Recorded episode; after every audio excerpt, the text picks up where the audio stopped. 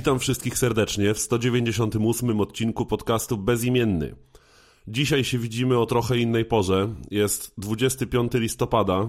To nie jest nic niezwykłego, ale mamy 9.48 na tarczy, ponieważ Krystian tak zarządził i ja tutaj po prostu prościutko ze śpiulkolotu przybyłem, żeby nagrywać ten odcinek. A razem ze mną o tej pogańskiej godzinie się zerwali.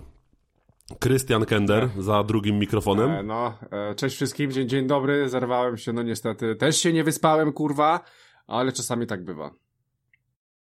Takie życie podcastera. I za trzecim dzisiaj mikrofonem będzie z nami Rafał Radomyski. Cześć wszystkim, witam. Słuchajcie, yy, kończy nam się miesiąc, więc wypadałoby wspomnieć o naszych kochanych patronach. Więc teraz właśnie wyczytam listę obecności. Proszę się zgłaszać. Tak, dziękujemy serdecznie za wsparcie na Patronajcie Igorowi Wołowskiemu, Dariuszowi K., Adamowi Struzikowi, Uli Ziółko, Pawłowi Łukasikowi, Adamowi Ziół Ziółkowi, Kamilowi Kenderowi, Okularkowi, Tomaszowi Wasiewiczowi i Tomaszowi Zawadzkiemu. Serdecznie pozdrawiamy naszych patronów. Dzięki wielkie za wsparcie. Mamy nadzieję, że z tego odcinka również będziecie zadowoleni i będziecie nam dawać jeszcze więcej hajsu. Tak, słuchajcie, mm, w tych rannych godzinach mamy do omówienia kilka ciekawych rzeczy. E, trochę pograliśmy, mm, pograliśmy w różne rzeczy, e, w coś w stylu symulatora chodzenia, który nie okazał się do końca symulatorem chodzenia. Postrzelaliśmy wyborowo do ludzi, kupowaliśmy konsole i graliśmy w chińskie bajki.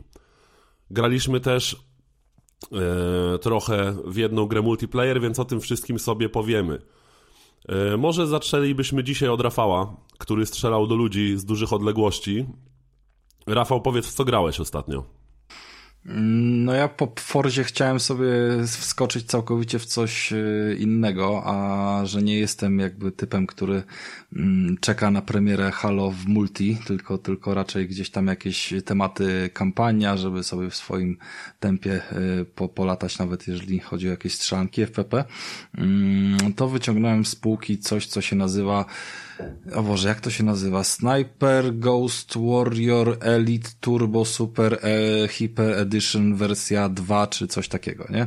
Sniper e, Ghost Warrior Contract 2. Czyli biedny Rafał miał, miał po prostu jeszcze większy problem z powiedzeniem tytułu na początku niż zwykle.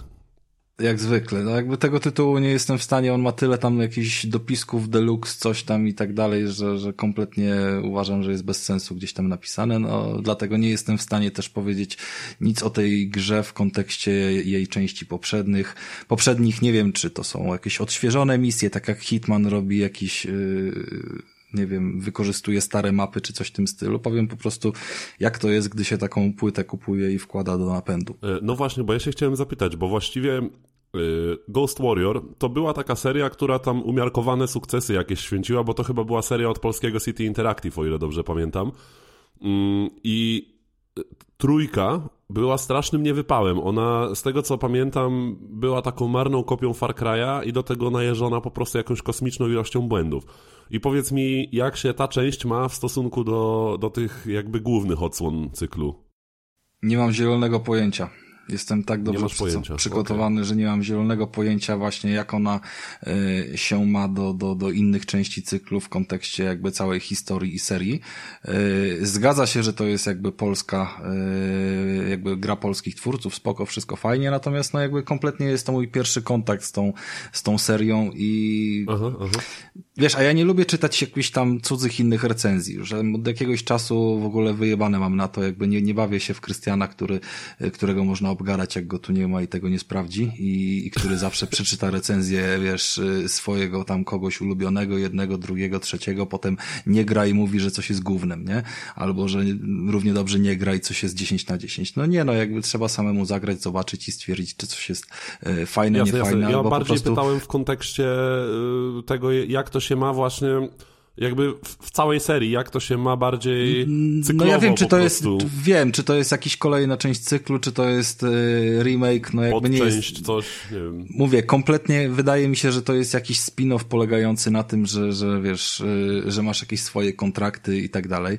W każdym razie tak wygląda mniej więcej tu rozgrywka, że masz y, kilka map, Mhm. Wszystkich tam jest chyba powiedzmy 8 czy, czy, czy 9 w jakimś tam rejonie. One są w miarę od siebie zróżnicowane, bo, bo, bo zarówno mamy taki mocno górsko pustynny, afgański klimat, jak i bardziej, yy, mimo że mniej więcej w tej samej części świata się to dzieje, to, yy, to gdzieś tam sobie śmigamy powiedzmy po dżungli. Czyli generalnie to jest jakiś powiedzmy Bliski Wschód, tak?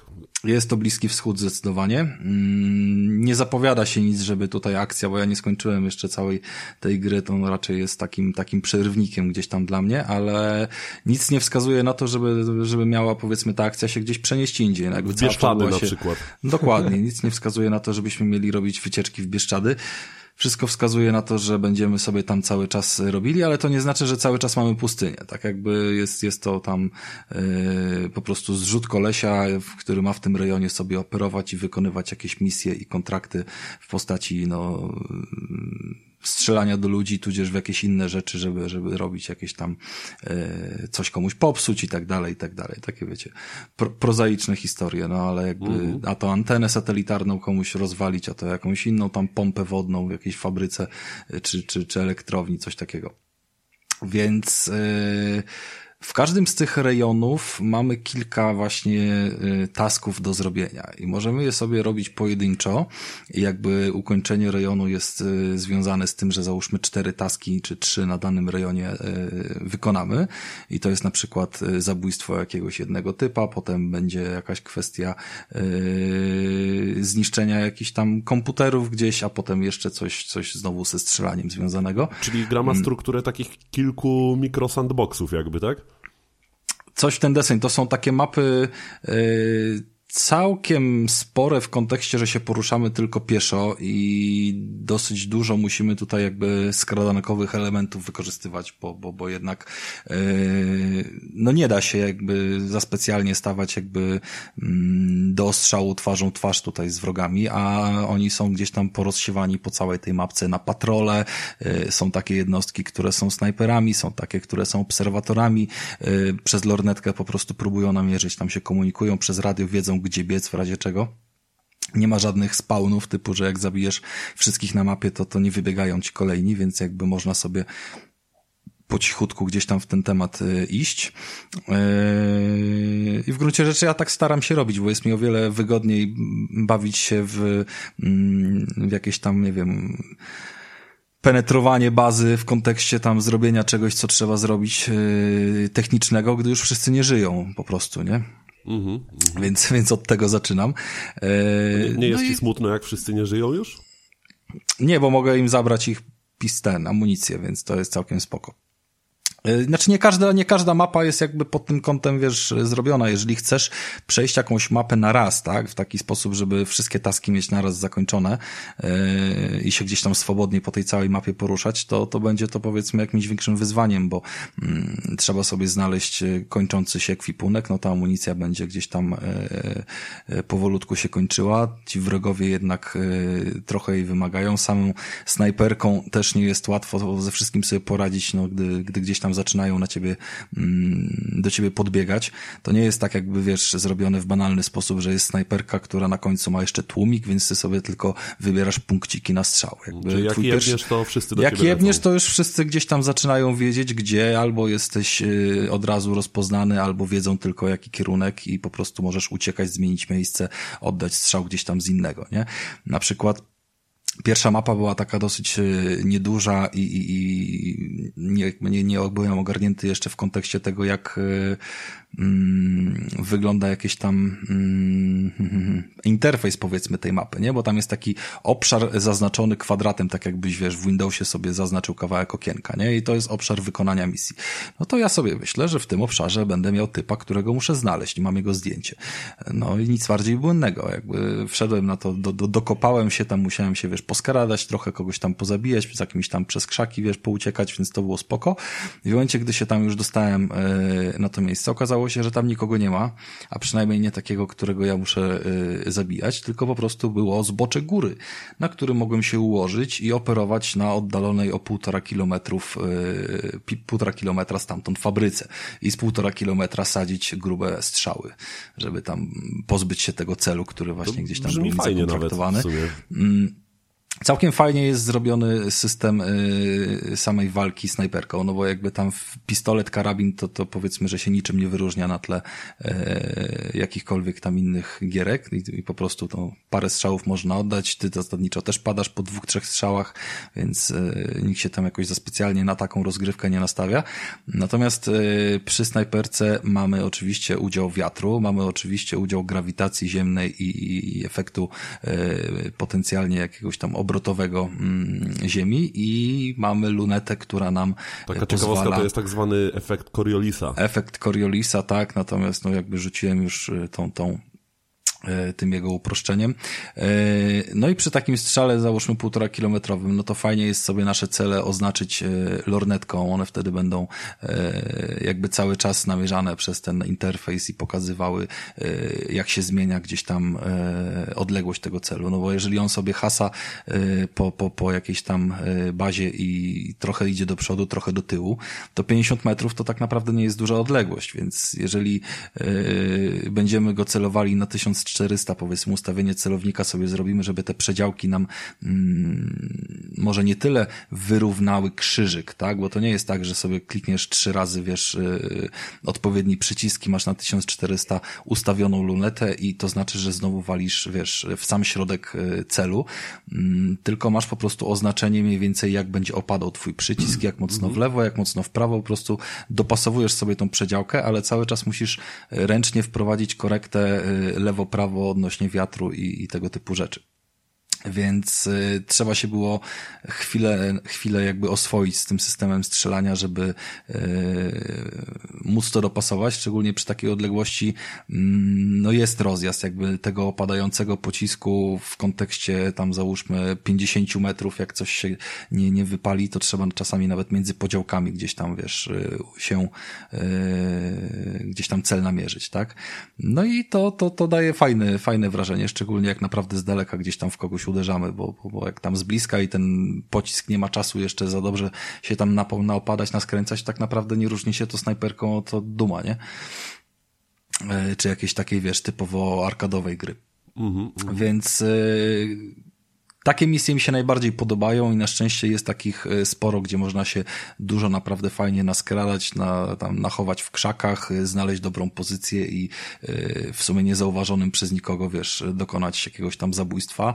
Co więcej, tego zabójstwa też można dokonać na kilka sposobów, bo możemy tam znaleźć jakąś beczkę, która wybuchnie, wtedy nikt do końca nie będzie wiedział, że to, wiesz, snajperski pocisk dokonał gdzieś tam tego czynu. Można tam jakieś, wiesz, zrzucić kontener komuś na głowę, czy, czy coś w tym stylu. No i podobnie gdzieś tam z innymi Czyli rzeczami. Hitmanowe można... trochę zagrywki.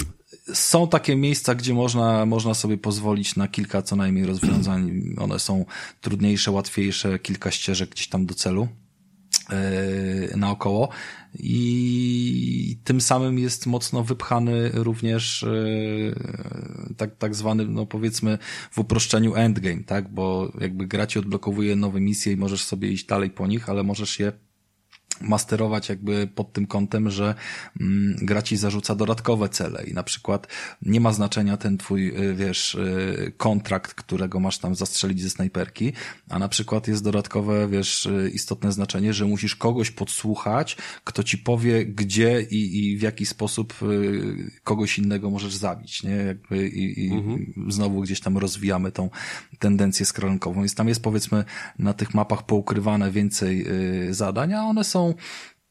na tyle moim zdaniem przyjemne gdzieś tam do, do eksploracji w, właśnie w takim skradankowym stylu, że, yy, że można się po nich gdzieś tam pobawić, poruszając na kilka sposobów, bo przejście jedną ścieżką yy, jest na tyle zajmujące, że, że kiedy jakby idziesz tym swoim jakby jednym yy, celem, ścieżką, pierwszym podejściem, to raczej zostajesz przy tej ścieżce, chyba że cię coś blokuje, to idziesz zupełnie w inną stronę. A wystarczy, że cię gra w jakikolwiek sposób pokieruje trochę, wiesz, bardziej w lewo, w prawo, bo na przykład y, potrzebny jest coś tam, nie wiem, do podsłuchania rozmowy czyjejś na, na jakimś posterunku,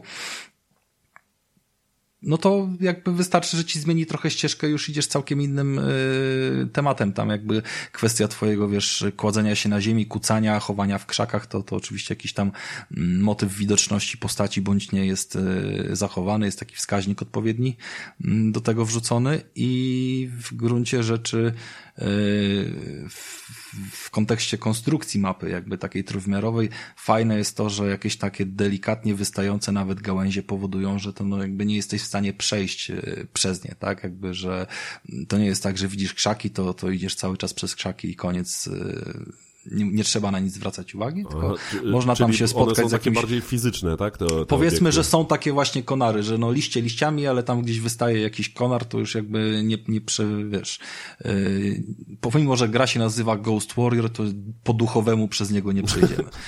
yy... A powiedz mi, Rafał, yy, odnośnie właśnie eksploracji mapy, jakby mi przyszło do głowy, w jakiej ty wersji ogrywasz ten tytuł i powiedz trochę może o, o technikaliach, jak ta gra wygląda, jak się zachowuje, na czym grasz? Gra jest PS5 yy, i... A czyli to jest wydanie PS5, to, to nie jest, jest wydanie, to jest, to jest wydanie centralnie PS5 i, i, jakby gdzieś tam się pojawiło w sklepach parę, parę miesięcy temu. no oczywiście na Xboxa też, też wyszło, gdzieś tam widziałem już, że, że co po niektórzy gdzieś tam po to sięgnęli, ogrywali jest opcja trybu wydajności i trybu, e, i trybu 60 klatek i przyznam się, że e, też zacząłem grać od 60, bo jakby na samouczku wydawało mi się to bardzo ważne, że e, ta płynność znowu gdzieś ginęła i nie pozwalała mi gdzieś tam odpowiedniej uwagi zwracać na wiesz, na jakieś celowanie i tak dalej, ale gdy zacząłem grać w misję i, i, i zobaczyłem jak tutaj mm, ostrożna potrafi być rozgrywka, że to właśnie nie chodzi o dynamikę, tylko powolne mhm. przesuwanie się i y, jakaś tam zwiększona ilość szczegółów, która się pewnie pojawia w kontekście generowanych obiektów, roślinności i tak dalej, to, to ma znaczenie na pewno w odbiorze całości, więc przestawiłem się na ten tryb wydajności i tak też gram. Znaczy na tryb jakości się przedstawiłeś. Y, na tryb jakości, przepraszam, tak. No one mają taką nazwę, że, że zawsze mi się to gdzieś tam myli i przestawi.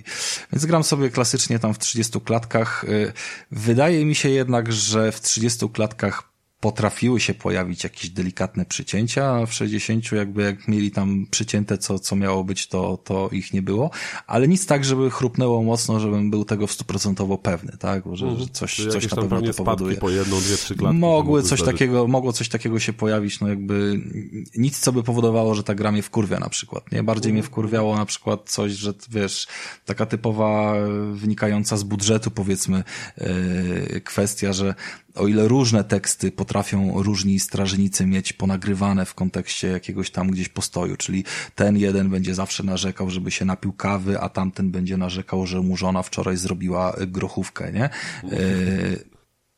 To, to, to nie jest tak, że ty będziesz o tej grochówce słyszał, wiesz, od, od, każdego żołnierza, nie? Tylko konkretnie od tej pary, którzy w tym miejscu przy tej y, jaskini sobie rozmawiają, ale oni będą mieli tylko dwie nagrane, wiesz, yy, dwa nagrane teksty. A że dosyć leniwie potrafią chodzić po swoich patrolach i musisz stać i czekać y, w jednym miejscu na przykład, żeby sobie poszli i żeby móc przeskoczyć, bo nie chcesz być wykryty, bo chcesz fajnie grać sobie skradankowo, to stoisz i słyszysz na zmianę, jak kurwa dwóch jełopów ze sobą gada i jeden jeden mówi, moja żona zrobiła wczoraj grochówkę, a drugi, ja bym się napił kawę, kurwa, trzy sekundy a, a moja mijają, żona zrobiła grochówkę. a moja żona zrobiła wczoraj grochówkę, a ja bym się napił kawy, wiesz, kurwa, no jakby coś w ten desen idzie, więc to jest strasznie zapętlone, dwa teksty idą na zmianę i mm, brakuje tutaj jakby, wydaje mi się, że naprawdę już lepiej by to poszło, gdyby... typowo budżetowa kwestia, myślę. To jest typowo budżetowa i nie wiem, jakby mam wrażenie, że te teksty i w jakiejś tam gęstość ich zapętlenia służą temu, żebyśmy zdawali zdawali sobie sprawę z tego, gdzie i że to ma formę ostrzegacza o w ten sposób, bo my nie widzimy wrogów, oni się sami nie zaznaczają, mhm. jeżeli nie zrobimy tego sami przez lornetkę, więc jakby tutaj podchodzenie kilkanaście kroków, e, patrzenie przez lornetkę, czy kogoś tam ewentualnie nie namierzymy e, i to też nie, nie taki sposób powiedzmy, znaczy idzie to w miarę sprawnie, ale to nie jest tak, że e, jak ci się pojawi na mapie, to od razu jest zaznaczony, tak? No bo, bo, bo nie, nie tak tam... tak jak w Far Cry'u na przykład, że wręcz przez krzaki tylko otworzysz na moment aparat i masz wszystkich na swojej drodze oznaczonych, nie? No właśnie, tutaj musisz y, zbliżyć się do tego gościa, mieć go gdzieś tam w tym obiektywie i musisz go mieć na środku, żeby go oznaczyć mhm. przez chwilę, a jeżeli jest on gdzieś dookoła, to ci zacznie tam mrygać takie kółko, żebyś tam przeciągnął, wiesz, lornetkę we właściwą stronę, więc no trzeba go gdzieś tam widzieć mm, i on tego nie zobaczy przez obiekty. To nawet, nawet są takie sytuacje, że on musi mieć tą głowę i jeżeli widzisz gościa, którego widzisz całe ramię, buty, wiesz, y, dupę i wszystko, ale głowę widzisz schowaną za jakimś obiektem, to go nie oznaczysz sobie, nie? Więc y, system nie jest pod tym kątem idealny, y, no ale w sumie jakoś to.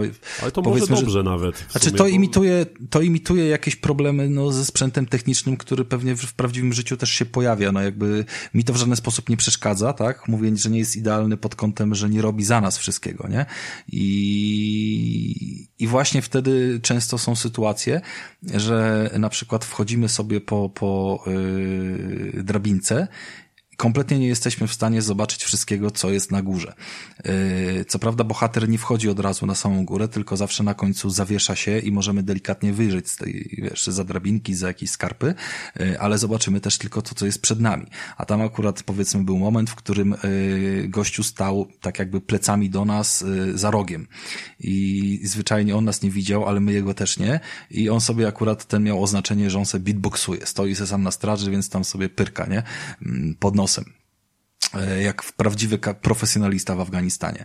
E, no i ten gościu ewidentnie jakby miał to ustawione po to, żeby, żebyśmy my go usłyszeli i ewentualnie po cichutku się tam zakradli albo poczekali, aż odejdzie stamtąd. Mhm, czyli tak dość, e, dość inteligentnie zaprojektowane w sumie. No właśnie takie rzeczy są poumieszczane i wydaje mi się, że te dialogi mają taką samą funkcję, bo, bo one po prostu pojawiają się w ostatnim momencie, tak? Kiedy idziesz, idziesz przez krzaki i na przykład dochodzisz do momentu, kiedy jesteś 15 metrów od gościa i zaraz z krzaków wyjdziesz prosto w jego y, nie chciałem powiedzieć dupę, ale no mniej więcej na tej wysokości masz oczy, jak się skradasz, to, to po prostu no jakby słyszysz nagle, że a wiesz, moja żona wczoraj zrobiła gruchówkę, nie? I to jest dla ciebie o, sygnał, że, że o kurwa, zostaje w krzakach, nie?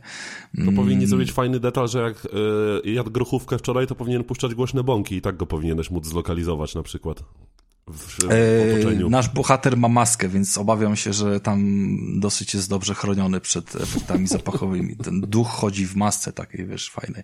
E, w każdym razie, no jest to jakaś tam element mechaniki, ale powiedzmy dosyć irytujący, jeżeli próbujemy coś zrobić kilka razy albo czekamy dłużej i słyszymy te same teksty.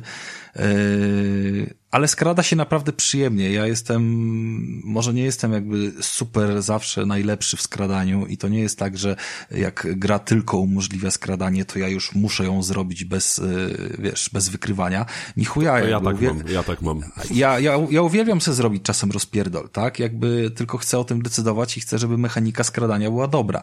Jakby irytujące dla mnie było to w jednej z gier, która za jakby skradanie zawsze była mm, super chwalona, Deus Exem się jaraliśmy, tak? Kiedyś na tym podcaście, yy, tym najnowszym. No i Deus Ex miał skradanie poniekąd jednak mocno zjebane, dlatego że mogłeś sobie skradać, byłeś wykryty, no więc w momencie jak byłeś wykryty, to wystarczyło spierdolić gdzieś do szybu i wyjść z drugiej strony, już nikt nie pamiętał, że był jakiś gościu się schował w szybie, nie? Tylko jakby wiesz, zaskoczenie, drugi raz znowu jakby co się stało. Yy, tutaj czuć jednak że długo cię szukają. Jakby w ogóle, o ile nie zginiesz, tylko będziesz tam się kręcił, to yy, cały prawie obóz poza kilkoma strażnikami może pójść, wiesz, na, na jednej połowie obszaru i cię szukać tam, a ty już dawno jesteś z drugiej strony, bo ich tam zwabiłeś, powiedzmy, bo, bo tam kogoś zabiłeś, nie? Czy zastrzeliłeś. I to prezentuje się naprawdę całkiem nieźle. Ja tam gram na yy, wyższym niż normalny poziomie trudności, tak sobie ustawiłem, żeby właśnie yy, trochę mieć lepiej ten system strzelania przede wszystkim i ułatwień yy, dopasowany i wydaje mi się, że to, to jest całkiem spoko, aczkolwiek no są momenty, że zgony są częste. Yy, pewnym minusem jest to, gdzie gra zapisuje progres i yy, zdarzyło mi się tak, że niestety progres miałem zapisany w momencie, kiedy już byłem wykryty i oni byli po prostu, wiesz, y, jeden był dwa metry z prawej, drugi był dwa metry z lewej i każde wczytanie to był dzień świstaka w kontekście y, jak y, przebiec, jak, jak uciec z tej sytuacji, nie? dwie sekundy na reakcję i próbujemy lewo, w prawo, czy na pałę, czy przez nich, czy zastrzelić ich z karabinu, czy coś.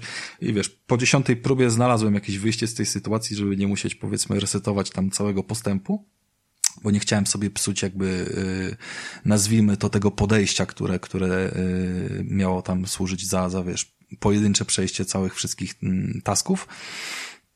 Mm, natomiast y, no, no było to trochę zepsute. No powinniśmy w takiej sytuacji mieć save'a raczej z momentu, gdy jesteśmy poza alarmem, a on tak jakby oddzielnie wyczuwa alarm, oddzielnie wyczuwa walkę. I nie robi save'ów podczas walki, no bo to by było głupie, ale potrafi robić save'a, gdy jest alarm, yy, czy tam ten punkt kontrolny i kiedy wrogowie są bardzo blisko, ty w ogóle nie jesteś w bezpiecznej przestrzeni, ale a, nieważne, zobaczymy jak się stąd wydostaniesz, chuju. I wiesz, i lecisz, nie? Yy, I mam wrażenie, że po prostu wrogowie się wtedy spawnują w jakiejś tam pozycji, ale nie do końca takiej, w jakiej zginąłeś, tylko tak jak powiedzmy gra tam sobie coś yy, symuluje sytuację. Yy, no w każdym razie bywają ciężkie momenty przez to, nie? Ale nie jakoś tam dramatyczne, nie tak, żebym, wiesz, w jakimś momencie powiedzmy rzucił grę. Raczej, raczej jeżeli ją odkładałem powiedzmy już danego wieczoru, to, to było to związane z tym, że nie chciało mi się jeszcze rozkminiać, jak powiedzmy rozwiązać jakiś problem, no bo fajnie jest się skradać, ale wiesz, tam z jednej strony mamy w podejściu gdzieś pole minowe, z drugiej strony chodzi trzech strażników wokół bunkra, a z trzeciej strony jeszcze ten bunkier jest zabezpieczony przez automatyczne wieżyczki. I naprawdę nie jest łatwo się tam dostać, jakby, wiesz, mhm. nie wzbudzając alarmu, więc jakby ja w końcu poleciałem na głupa, wziąłem pistolet czuję, że to może być gra dla mnie w sumie, tak, tak yy, Wleciałem przez okno tego bunkra i zabiłem gościa, który był w środku. Yy, potem drugiego, który przybiegł sprawdzić, co, co, co się dzieje i, i cały obóz się nie dowiedział o sytuacji, bo nikt nie wystrzelił głośnego pocisku. I się okazało, że takie wbicie na Jana przez okno jakby wypadło najlepiej. Potem sobie wieżyczki tylko rozbroiłem, które wiesz, od tyłu można y, podchodząc do nich, wiesz, y, rozbrajać i, i super, nie? I przez pole minowe się wycofałem na, na, na skradaka i to było, wiesz, przejście na, na, na cicho, nie? Znaczy, oczywiście kłamie i oszukuję, pozabijałem wszystkich w tej bazie i poszedłem dalej, ale y, ale mogłem, mogłem się wycofać i zostawić ich na, na wiesz, nieświadomych w swej porażce. Yy więc jest, jest trochę tej satysfakcji, ale też fajne jest to, że to naprawdę nie są tak ogromne obszary, jakbyś na przykład miał się skradać, wiesz, w Far Cry'u, nie? Bo, yy, bo tam zaraz coś ci rozproszy, a zaraz się zastanawiasz, czy nie wziąć helikoptera i nie wlecieć helikopterem do nich, albo wiesz, albo krokodyla na nich nie napuścić. No jakby tutaj wszystko jest utrzymane w tym klimacie pojedynczego, jednego samotnego żołnierza z snajperką, który ma sobie poradzić i y, nie dostanie żadnego wsparcia i po prostu, wiesz, y, wykonaj misję, tak? Nie ma, nie ma czegoś takiego, że z jednego obszaru do drugiego, mm, nawet jakich jest ich tam pięć na mapie, to że sobie biegają i pomagają. Każdy ma wyjebane, ma bronić swojego tam jakiegoś obszaru i koniec, więc, więc powiedzmy, że mamy dosyć jasne, precyzyjne zadanie, wiesz, y, postawione, znamy jego zasady i bawimy się w tą grę, tak? Więc jakby y, pytanie tylko, czy to my mamy przejebane, czy przejebane mają ci, którzy zostali z nami zamknięci na tym obszarze, tak? I to jest klimat. I fajne, ten klimat fajne. mi się, i ten klimat mi się podoba, jakby bardzo, bardzo jest satysfakcjonujące, kiedy y, w całej bazie załóżmy jest jeden gościu, którego y, tak, tacy są pancerni, których nie możesz załatwić snajperką, nie? I, i oni, no konkretnie masz komunikat na początku gry, czy tam jakieś, wiesz, tych, tych po, po śmierciach, że to są pancerni i ich nie możesz zabić zwykłą amunicją tylko i wyłącznie przeciwpancerną albo materiałami wybuchowymi. No ja miałem taką misję, gdzie trzeba było zrobić właśnie jakąś techniczną rzecz. E, żeby zrobić tą techniczną rzecz, e, jak już wszyscy zostali przeze mnie zabici na mapie, poza tym jednym gościem, który e, gdzieś tam sobie stał, Okazało się oczywiście, że on stoi w miejscu, którym, przez które ja muszę przejść. No i trochę jest problem, bo on z jakimś tam miniganem czy innym karabinem ciężkim i po prostu nie, nie za łatwo się obok niego przedostać. Podejść i od tyłu mu zaklepać C4 na plecy powiedzmy, że też był obarczony ryzykiem. Jakiś tam akurat granatów nie miałem, mogłem szukać, nieważne. W każdym razie on tak stał i czekał, kompletnie sobie nic nie robił z tego, że cała mapa milczy, wszyscy jego przyjaciele nie żyją. Dalej stał i po prostu czuwał, więc bardzo był, wiesz, swojej misji świadomy. No ja wziąłem tą swoją snajperkę. Nerwy z żelaza po prostu. Nie? E, ja wziąłem sobie tą swoją snajperkę, wziąłem zooma, ustawiłem, wiesz, odpowiednio na maksa, takie wyliczenia powiedzmy, żeby trafić e, w punkt co do pięciu centymetrów. No i pierdolnąłem mu kulkę między oczy i się okazało, że wcale taki pancerny nie był kutar, wiesz, i w trofeum co złote od razu tam wjechało, czyli, czy że, srebrne, Czyli, nie? że jednak można go ubić ze snajpy to on ma mniej więcej taką y, szparę jak Robocop, wiesz, by miał mm -hmm, gdzieś tam mm -hmm. w oczach, nie? Gdyby nie miał szybki. Coś takiego, że widzisz tylko dosłownie ten, ten wąski pasek, ale jak mu tam wpierdolisz, wiesz, y, strzała, no to nie ma zmiły, nie? Więc jest, jest to dobre rozwiązanie w pewnym momencie. To fajne, fajne. Y, raczej ciężko myślę, że byłoby władować ten nabój, gdyby on się poruszał i chodził i patrolował cały, cały obszar. No ale jak już gdzieś tam zmęczony stanął w miejscu, to to można gdzieś tam było sobie tak poradzić. Mm, no i jakby potem prosto, nie? Temat zamknięty i, tak dalej. E, można oczywiście trochę gry oszukiwać i, i wiesz, e, ustawić się w jakimś w miarę dobrym miejscu i polecieć, e, no to teraz się postrzelamy, skurwysyny, nie? I wiesz, bez problemu wykończymy ich tam wtedy tą snajperką pięciu, dziesięciu, może i piętnastu, ale na pewno y, przyjedzie do nas jakaś ciężarówka, parę osób wyskoczy, będą próbowali się zakraść po schodach i tak dalej, więc y, to nie tak, że całe gdzieś tam wyzwanie gdzieś tam zniknie, poza tym powiedzmy pobawimy się tak na jednym obszarze z pięciu, a na kolejnym już będzie większy problem, nie? I, i tam na przykład będą automatyczne wieżyczki i już chuj nic z nimi nie zrobisz, nie? Więc y, obszary są zaplanowane fajnie, trzeba gdzieś tam te podejście do nich znaleźć i tych podejść y, zawsze jest kilka, nawet podczas jakichś tam rozmów przez radio z, nazwijmy to, przełożonym, pojawiają się jakieś tam y, potencjalne podpowiedzi, y, jak możesz to rozwiązać, nie? Czy w lewo, czy w prawo, a, a w ogóle może jeszcze inaczej. Tak, to brzmi jak fajna, fajna zabawa. Ja chyba sobie sprawdzę tę grę, bo w ogóle Jest to fajna zabawa. Gierka, się, że... gierka jest stosunkowo tania, jakby wiesz, ona, ona nie jest jakieś zapytać, tam... No. Nie, to, to, to były jakieś grosze, ja ją chyba nówkę wziąłem za, nie wiem, 100, 150, 160 złotych. Yy, i wydaje mi się, że możesz spokojnie znaleźć to sobie w dobrych pieniądzach, yy, jak i każdy inny gdzieś tam widziałem już, już na pewno tańsze oferty. No bo właśnie, wiesz co, cieszę się, że wspomniałeś o tej grze, bo jak gdzieś tam ona mi mignęła, powiedzmy, czy to w jakimś tam Microsoft Store, czy, czy gdzieś w jakimś sklepie po prostu, yy, ale jakoś po tych bardzo chłodnych recenzjach trójki troszkę gdzieś mnie ominęła po prostu premiera tej gry. I, I może jakoś e, w sumie dobrze, że ja e, nie czekałem na to, czy nie miałem jakichś większych oczekiwań, bo może dzięki temu też się jeszcze lepiej będę bawił, bo będę pozytywnie zaskoczony. Więc no, się po prostu. Do tego cieszę, zmierzam. Tak dla mnie, dla mnie też nie było żadnych oczekiwań, po prostu była kwestia, że abym sobie w coś postrzelał, a, a w Game Passie jest tylko ten, yy, co tam po, po Włoszech biegamy, jakiś Elite Sniper, coś tam. Mm -hmm. Więc, więc y, poniekąd mi się tam rozgrywka podobała, ale nie podobał mi się klimat. A tutaj był klimat bardziej nowoczesny. Sniper Light można strzelać w jaja i wybuchają jaja, więc to jest dobra gra. Nie no, to jest dobra gra, ja w nią też trochę pograłem i po paru misjach pobiegałem. Jakby spodziewałem się właśnie podobnej rozgrywki, nie? I ona jest w gruncie rzeczy dosyć, dosyć podobna, że tam sobie, wiesz, y, w samotni biegamy i gdzieś tam, mm, no ale jednak wojenny klimat, ten, ten wiesz, y, z drugiej wojny bardziej mm, mnie blokował. Tutaj jakby spodziewałem się jakichś technologicznych zabawek i też je dostałem. Możemy sobie ulepszać nasze bronie, możemy gdzieś tam znaleźć drona, dronem oznaczać sobie ludzi, możemy wierzyć wieżyczki jakieś snajperskie rozstawiać, zaplanować, kto będzie zastrzelony, więc spodziewam się, że też trafię na rozwiązania, w których po prostu będziemy musieli trzy strzały zsynchronizowane oddać razem, czy coś w tym stylu, wiecie.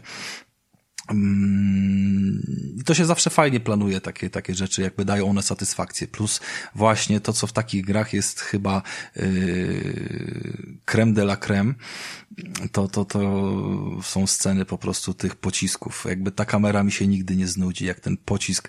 To jest taki moment, ona nie wchodzi za każdym razem, yy, potrzebuje powiedzmy chwilę cooldowna, więc jeżeli mamy tryb, nazwijmy to strzelankowy, lecimy gdzieś tam w miarę jeden po drugim cele, to, to widzimy po prostu przez wizjer jak pada, nie?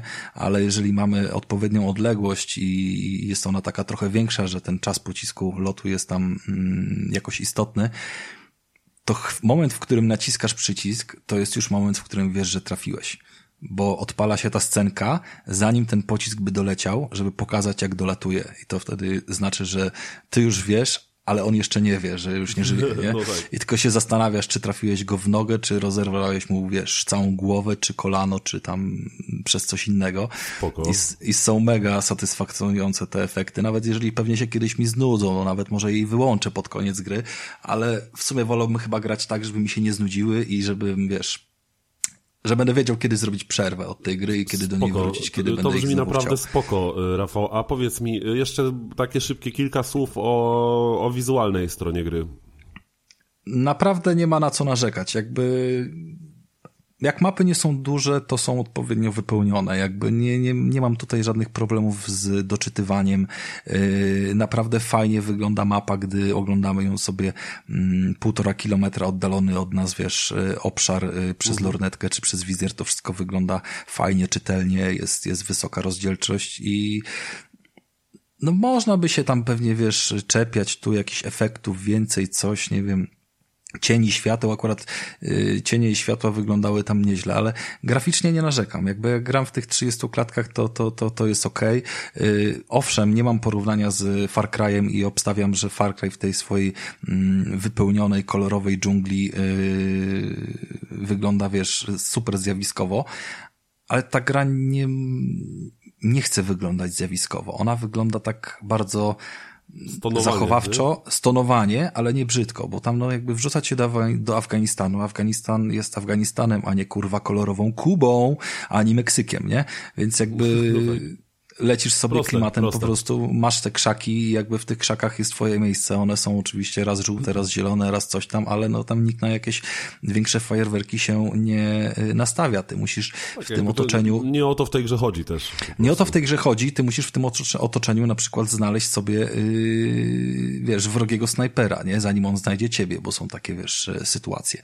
Więc yy, na tym powiedzmy gdzieś tam się bardziej skupiamy i, i mi to odpowiada. No nie widziałem wszystkich jeszcze planż, więc też y, mogą być tam jakieś zaskoczenia. No oczywiście są jakieś bunkry, fabryki, które tam zwiedzamy od, y, od środka, no i to też jest powiedzmy no, dosyć nudne, no dosyć cały czas to samo, ale jakby nie patrzeć, no stanowi to tylko dla mnie jakiś tam korytarz, gdzie ja patrzę jakby na to, wiesz, jak się dostać, gdzie przejść, a nie, że tam się zatrzymuje podziwiać mhm. widoki, nie? To pewnie, jest jakby y, tego typu zadanie, więc y, fajnie, że dosyć szybko się po tej mapie poruszamy, że są jakieś tam, wiesz, y, szybkie podróże i tak dalej, ale że jednocześnie bez wczytywania robimy sobie, wiesz, e, kilka misji pod rząd nawet, nie? Mhm.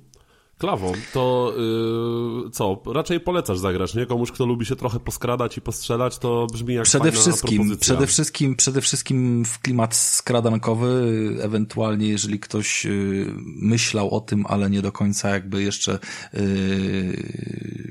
czuł czy wie, jak to jest gdzieś tam być snajperem, yy, jak to sobie jest postrzelać z odległości, to to jest fajny klimat do nauczenia się. Gra jest na pewno zrobiona co najmniej yy, dobrze z plusem, tak? Tak? W kontekście, że nie ma jakichś takich rażących błędów, które, wiesz, odpychają. Jakby są rzeczy, nad których, y, nad którymi, wiesz, można się tam uśmiechnąć, zastanowić, ale biorąc pod uwagę główne, jakie wychodzą czasami, nie? Na, na dzień dobry i jakieś takie, wiesz, przykładowo, no jakby wiemy, ile tam problemów z NPC-ami gdzieś tam różnymi się pojawia w, w, w Far Cry'u, gdzieś tam się blokują na czymś, mają jakieś dziwne zachowania i tak dalej. Tak, albo Tutaj... mamy nagle po prostu eskalację po prostu małej sytuacji, gdzie nagle podbija wóz, koń zaczyna płonąć, wbiega w posterunek, wywołuje alarm. No, dokładnie. Tutaj takich rzeczy nie ma, bo tutaj jest jakby no przez ograniczoną ilość rzeczy, które tam są, tak, pięciu wrogów i jakby yy, ograniczona ich ilość na mapie, to, to, to wszystko tutaj się dzieje w miarę zaplanowany sposób. No czasami możemy nie będziemy rozumieli, dlaczego ktoś nas widzi, ktoś nas wykrywa, to ja też do końca nie jestem jakby yy, za każdym razem w stanie przewidzieć, czy to ciche morderstwo ujdzie faktycznie faktycznie mi płazem czy nie i robię po prostu to na próbę, bo, bo raz zabijam kogoś, kto stoi obok kolegi jest spoko, a drugi raz y, dziwnym trafem ktoś to dostrzega, nie? Pomimo, że gdzieś tam stoi dalej. Natomiast poza tym jest wszystko tak fajnie, przewidywalnie i, i, i pozwala chyba się cieszyć dzięki temu jakimś tam, mm, może, nie, może nie masterowaniem, no jakby nie wiem, czy to aż tak będzie, wiesz, jeżeli ktoś by myślał o masterowaniu, yy, to, to pewnie już by gdzieś tam dawno tą grą się zainteresował, ale myślę, że to jest warte, warte sprawdzenia. Na pewno ma taki yy, przyjemniejszy klimat niż ten, ten snajperek z Game Passa. Spoko, ja to, ja to na pewno sprawdzę, bo, bo widzę już jakby po sposobie, w jaki mówisz o tej grze i jak długo o niej mówiłeś, bo nieraz jak y, jaka, jakaś gra jest po prostu średnia i coś tam ograłeś i nie zrobiła na tobie jakiegoś wrażenia, to zazwyczaj po 10 minutach kończysz i pytasz, czy, czy mamy jakieś pytania, a tu musiałem cię trochę hamować, więc, więc na pewno, na pewno sprawdzę tę grę. Bo brzmi dobrze. Krystian, czy ty lubisz takie gry? E, Krystian lubi takie gry, ale Rafał 40 minut na takie gówno ci poszło. Ja pierdolę. A ja... Sam jesteś gówno, to by może być dobra gra, ja sprawdzę. Tak, tylko dziwne jest to, że, że tak Rafał nie jest, nie jest jakimś fanem poprzedników i tak sobie w pewnym momencie no, postanowił... No, tym bardziej, Ale ja, ja nie, nie byłem fanem wielu rzeczy, no jakby Finala nie byłem fanem, kurwa Forzy nie byłem fanem kiedyś, no jakby nie grałem we wszystko, więc jakby... No okej, okay, no nie, nie. Wiesz, miał, miał, miał minęła mnie... generacja PS2 i PS3, gdzie wychodziły pierwsze części, e, nie? Dla mnie taka gra, e, w ogóle granie jakimkolwiek snajperem w grach to jest dla mnie zawsze... E... Znaczy to może być spoko, jeżeli jest nastawione na gruby realizm, to, to może być spoko, ale tak to dla mnie to jest e, w chuj nudne, nie? E, więc e, to, to, to, to nie jest dla mnie. No to Krystian nie zagra jeden na 10, gówno nie grajcie. Znaczy nie no, to mówię powiem, powiem, powiem wam, za, za dużo słuchajcie, powiem, jest też, wiesz. Tak, dla Krystiana też powiem, no właśnie w kontekście, żeby nie traktować tego typowo jak y, shooter. Y, finał jednej misji, polegający na tym, że trzeba było jakiegoś gościa y, zastrzelić, ale nie było go widać, więc trzeba go było najpierw wywabić, nie? Y, no to wiadomo, jak zrobimy alarm, to on gdzieś tam zacznie uciekać czy coś. Y, I były cztery cele, jako opcjonalne, które powinniśmy zniszczyć. E, w momencie, gdy tylko w pierwszy cel trafialiśmy, no to już był alarm e, wywołany i zaraz snajperzy wrodzy plus jakieś ciężkie jednostki z tymi karabinami, wiecie, e, z dużego kalibru, zaczynają ostrzeliwać nasz punkt oraz osoby z posterunku w okolicy zaczynają biec od tyłu gdzieś tam do naszej miejscówy, która jest takim powiedzmy przez jaskinię się przechodzi, nie? Tam, żeby zrobić ten finał, resetowałem to chyba z dobre 20 razy, żeby przejść to y, w miarę sprawnie najpierw musiałem zadbać o to, żeby wybrać taką pozycję, żeby nie od razu mnie zastrzelili, a tylko po, po jakimś dopiero dłuższym czasie, żebym mógł kilka strzałów oddać. Potem, że jeszcze trzeba zmienić miejsce w trakcie. Y, potem, że jeszcze od tyłu muszę się zabezpieczyć minami, żeby nie odwracać się od y, strzelania snajperką, to żeby zginęli ci, którzy próbują mnie zajść od tyłu. I dopiero wtedy udało mi się mm, te kilka celów y, zniszczyć i jednocześnie tego gościa, który uciekał jakąś tam limuzyną, nie? I było ruchu. Oh yes. Jak on w ruchu ucieka, a ty w ruchu musisz jeszcze korygować y, kąt, y, w którym pada strzał i ten strzał wchodzi i to wybucha i limuzyna robi boom, a ty jeszcze zamiast się cieszyć i tańczyć swój taniec zwycięstwa, to musisz wstać i spierdalać, bo tyłu cię próbują, wiesz, wyhamować, nie? I robisz to i wpadasz na minę, którą sam zastawiłeś i musisz robić to od nowa, to jest w tym momencie poziom realizmu, który należy docenić, nie? Więc... No, brzmi yy, zajebiście, naprawdę, ja na pewno sprawdzę tę grę. Jest, Chyba zaraz jest pójdę spoko. do sklepu i zobaczę, czy jest jest, e, jest spoko i to był taki klimat ucieczki. Czy znaczy, dobra, znów mówiłem o tych save, save pointach, tak? I to był moment, w którym to się zjebało. Ja umarłem, ale nie musiałem tego powtarzać. Weszło mi, że zabiłem tego gościa, weszło mi, że zniszczyłem to, co miałem zrobić, więc już jakby odrodzenie było y, po, po, po zaliczeniu tych y, checkpointów i ta ucieczka nie wyszła po prostu tak, jak miała wyjść. Ale klimat potrafi to oddać całkiem inny niż takie strzelanki, powiedzmy, yy, zwykłe. I nawet oddalenie się gdzieś tam, wiesz, z rejonu, powiedzmy, walki w jakiejkolwiek grze z otwartym światem, to po prostu masz kółko, wsiadasz do pierwszego lepszego samochodu, wyjeżdżasz poza kółko i nagle wszyscy zapominają, że rozkurwiłeś wulkan przed chwilą, nie? Czy tam coś w tym stylu. I jakby, no dobra, tutaj też zapominają, ale tutaj masz ten klimat, y, że musisz się dostać pieszo jeszcze tam, nie wiem, 300 metrów do punktu ekstrakcyjnego i że po drodze, jak wcześniej sobie nie oczyściłeś ścieżki, to będziesz spotykał yy, wrogów i tak dalej, i tak dalej, nie? Więc, no, można się tym fajnie pobawić i, i szczególnie, Spoko, że to nie Szczególnie, jest że niewiele takich tytułów jest w sumie na rynku. Jest niewiele takich tytułów, yy, w ogóle widziałem też fajną wersję jakąś tam deluxe, yy, wczoraj jak byłem w sklepie tam z używkami, bo to, to, kupiłem chyba nowe i to nowe kosztowało te 160 zeta, a, a używkę widziałem z jakimiś dodatkami jeszcze właśnie typu, typu kodzik, typu jakaś książeczka i tak dalej, więc no warto się tam rozejrzeć, może w jakiejś dobrej okazji trafić i zwyczajnie yy, wyjść ze swojej strefy komfortu. Jasne. Dobra, to kończymy temat snajpera, odstrzeliliśmy recenzję yy, i dalej. Yy, Krystian, yy, słuchaj, bo tam Rafał był w terenie, za to ty byłeś w biurze, tak słyszałem. tak, byłem w biurze, więc e, e, ogólnie mamy mało czasu, więc nie pytaj się mnie już o nic, tylko ja już, jeżeli do czegoś przejdę, to do finału. Ale o... Nie mów mi, jak mam żyć. Okay, jak będę chciał, dobra, to się będę okay, pytał. nie wiem, jak 45 minut można mówić o takiej grze, w której się nic nie dzieje. No ale okej. Okay. E, słuchajcie... E... My 40 minut mówiliśmy, kurwa, o zasranym yy, spieniaczu do wody. Okay, ale to jest, jednak, ej, ej, to jest jednak skomplikowane urządzenie. E, dobra, słuchajcie, e, Office, chyba każdy kojarzy The Office, serial The Office e, był e, amerykański, bardzo dobry. E, był też brytyjski, moim zdaniem gorszy, pomimo tego, że lubię brytyjski humor i słuchajcie, wyszedł polski The Office. I oczywiście pierwsze wrażenie e, u wszystkich, wydaje mi się, że u wszystkich, o Boże, nie, co oni robią, co oni odpierdalają, o Boże, nie, przecież, przecież to się nie uda i tak dalej. Słuchajcie, rewelacja. No kurwa, to jest, to jest zajebiste w chuj. E, obejrzyjcie sobie, jak coś jest na Kanał Plusie, chyba tam jest jakiś Kanał Plus Player, czy jakieś inne gówno, stamtąd możecie sobie obejrzeć. Ja akurat mam Kanał Plus, więc ja sobie to nagrałem wszystko, wszystkie 12 odcinków, e, więc jeżeli ktoś będzie miał możliwość obejrzenia polskiego The Office'u, jak najbardziej polecam. E, tam sprzedają nie papier, a wodę kropliczankę bodajże. E, słuchajcie, są świetnie przerysowane te postacie w stosunku do amerykańskiego. Nie są jeden do jednego, ale, ale widzimy w tych postaciach, e, czy tam Pam, czy, czy właśnie Michaela, in, inne tego typu postaci z, z Office'u US, ale na swój taki polski, myślowy sposób, więc e, naprawdę żarty są świetne, są, są rewelacyjne. Ja momentami naprawdę miałem większy ubaw z polskiego Office'u niż z US Office'u, szczególnie, że no, US Office to jest 9 sezonów, tak, więc wiadomo, są lepsze, gorsze. E, a tutaj ja po prostu zacząłem to oglądać, parę odcinków, no i kurwa, wow, naprawdę to jest humor na zajebistym poziomie. To jest sytuacyjny, fajny humor, e, na fajnym poziomie to jest nagrywane jak do Office, tak? Czyli co chwilę jakieś wywiady e, z nimi w tych o, o, office'ach, co tam się dzieje i tak dalej, ale naprawdę jest to zrobione w kurwę dobrze. Więc jak będziecie mieli okazję, obejrzyjcie sobie polski The Office. Moim zdaniem warto. E, I słuchajcie, jeszcze e, dopowiem tutaj, że nie warto obejrzeć nowego Bonda. E, piąta część, ostatnia z Danielem Craigiem. Obejrzałem sobie ostatnio, no po prostu dramat.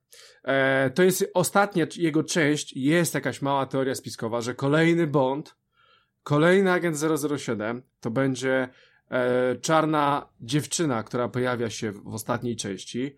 I ona, tam nawet jest e, w filmie pokazane, że ona jest niby 007. Mam nadzieję, że ona nie będzie nowym Bondem, bo to kuresko nie miałoby sensu bo wstrząśnięty, niezmieszany, bo my name jest Bond, James Bond, no u, u, niej to nie pasuje, ponieważ nazywa się inaczej, ale są jakieś teorie spiskowe, że ona będzie następnym Bondem, mam nadzieję, że nie.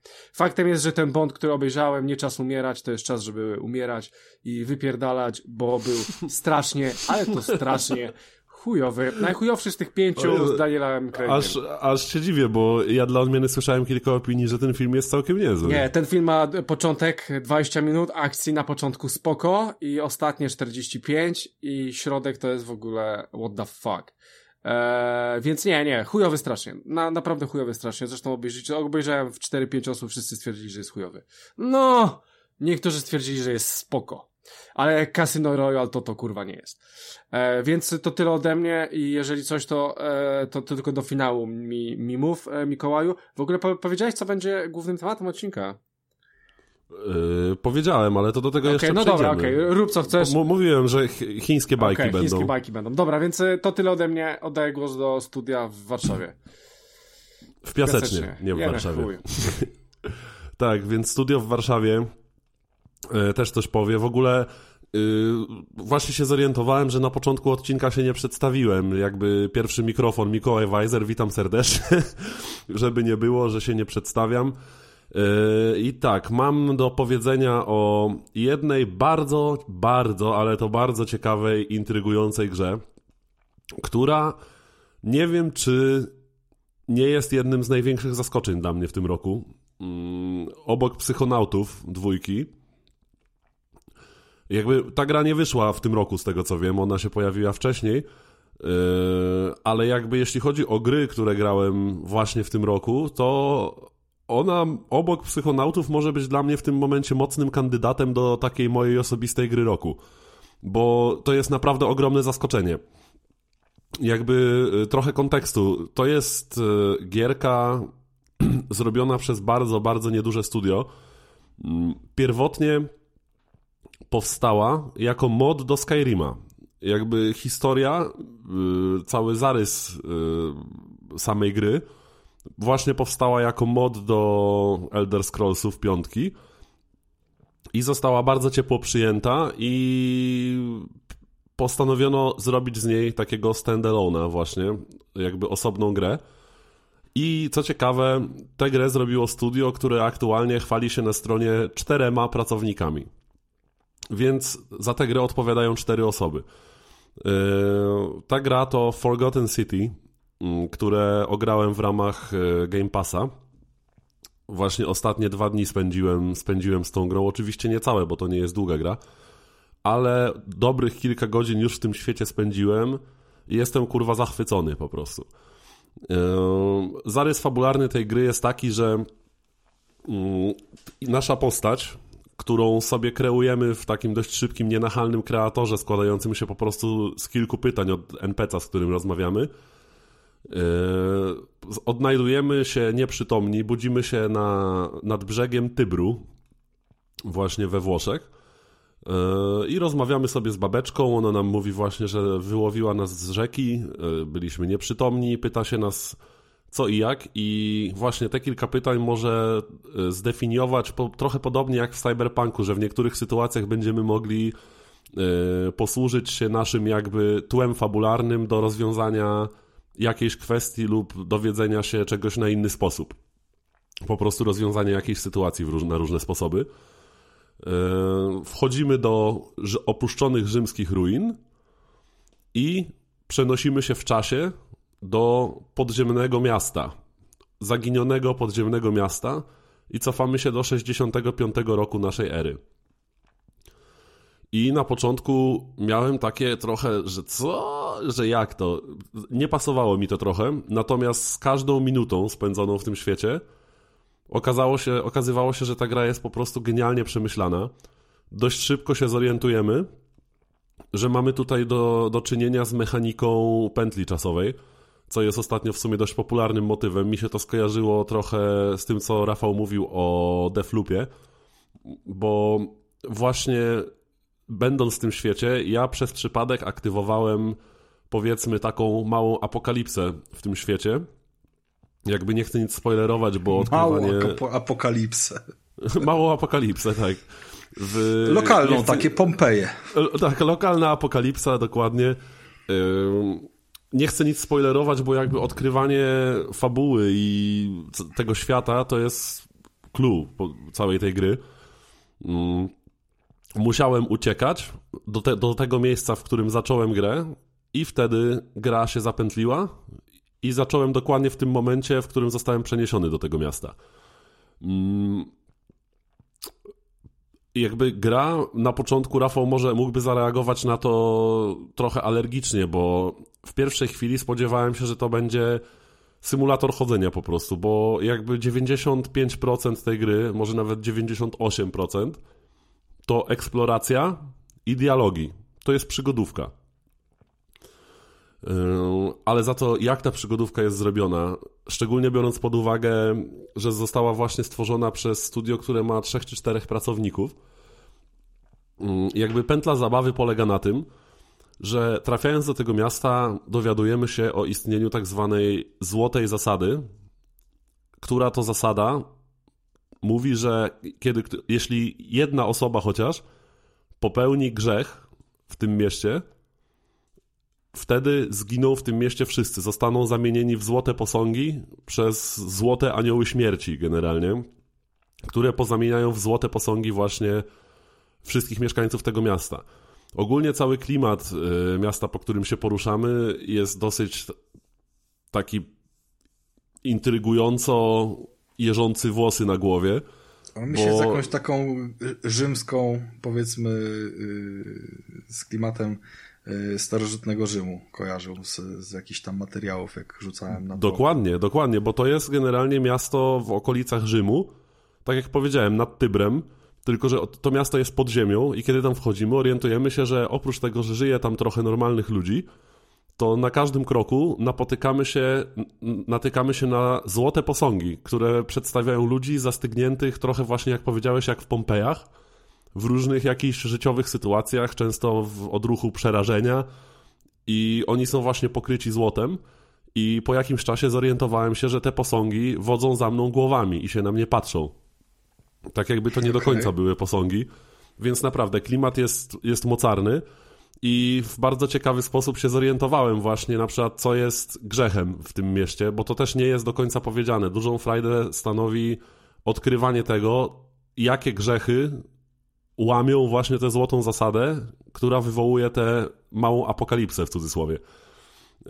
Właśnie to było tak, że wszedłem do jakiegoś pokoju i znalazłem list i w skrzynce było również trochę hajsu, więc postanowiłem sobie ten hajs przy, przywłaszczyć i nagle po prostu jakiś jeżący mi włosy na głowie głos z nieba powiedział, że wszyscy będą cierpieć za grzechy jednego, zaczęła się apokalipsa, totalny rozpierdol i musiałem uciekać do portalu, którym przeniosłem się do tego miasta, żeby zresetować pętlę.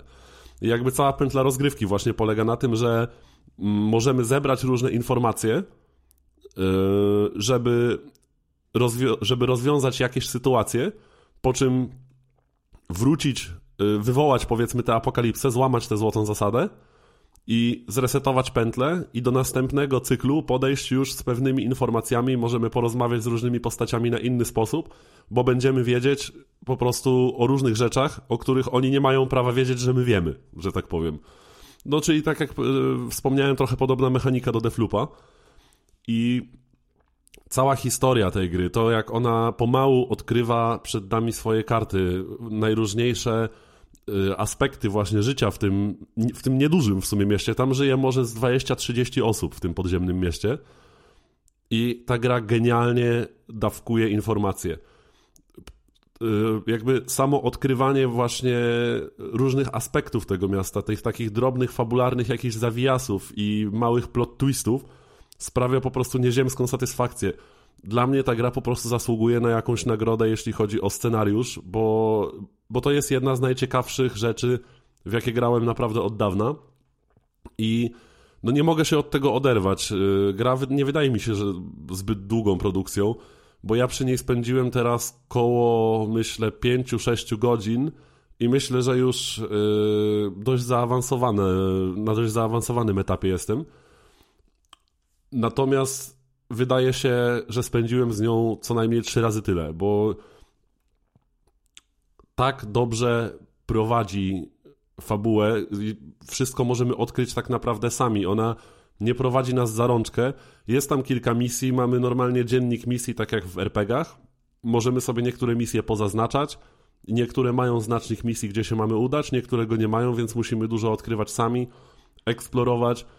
O, lokacja nie jest duża, Natomiast jest bardzo e, jakby dopieszczona i mocno skondensowana, więc przechodząc nieraz 10 razy przez jedno miejsce, nagle odkrywamy, że właściwie nie weszliśmy jeszcze w jakieś miejsce z tego miejsca właśnie, w którym byliśmy, bo prowadzi tam na przykład jakiś e, pod akweduktem jakaś mała ścieżka przez skały, która prowadzi nas do zupełnie innej lokacji.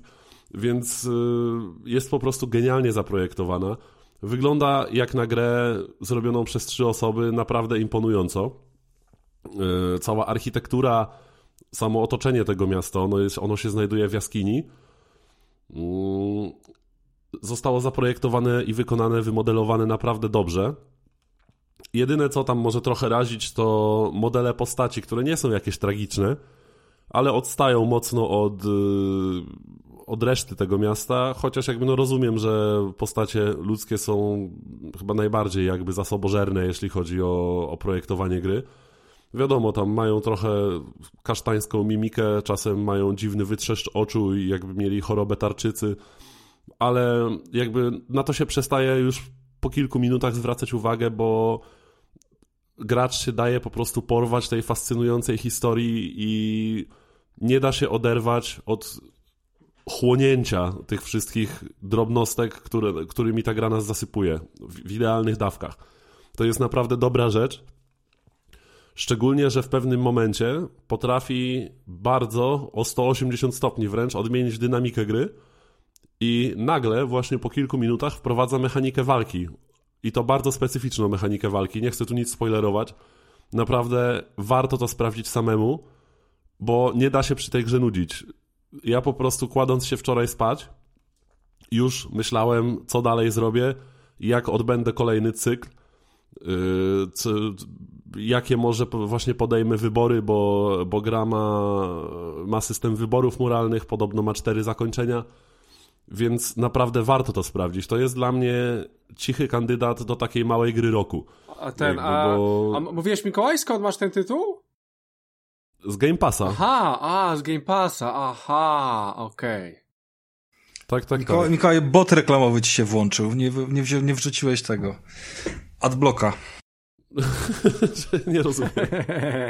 musisz musisz nie to rozumiem. podkreślać, Mikołaj, że to jest na przykład z Game Passa. No. Musisz to podkreślać, bo pieniądze z Microsoftu potem się nierówno rozdzielają. Dokładnie. A, dobrze, tak, Game Pass, Game Pass, Game Pass jest super, bo dał mi super grę. Okej. Okay. Ale jakby pomijając, y, pomijając to, że, że te, w tę grę właśnie zagrałem w ramach abonamentu, to nawet gdyby ona w tym abonamencie nie była, to tak jak z Ghost Runnerem bym po prostu zapłacił za nią naprawdę. Myślę, że 150-160 zł za taką grę to jest jak najbardziej optymalna cena, bo ona daje wrażenia, które w nas zostaną. To jest, to jest fabuła, która się rzadko trafia w grach, żeby była aż tak angażująca, żeby była tak głęboka i zawierała w sobie tyle różnych y, zwrotów akcji, takich rzeczy.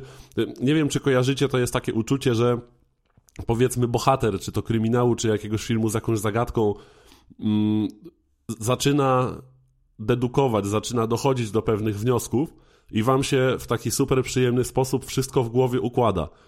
I, i tutaj właśnie miałem to uczucie to było coś pięknego, kiedy z kolejnym jakimś cyklem nagle dowiadywałem się i sam sobie układałem w głowie, dlaczego coś się wydarzyło po prostu. Coś, co już widziałem, ale w kolejnym cyklu widziałem to powiedzmy z innej perspektywy.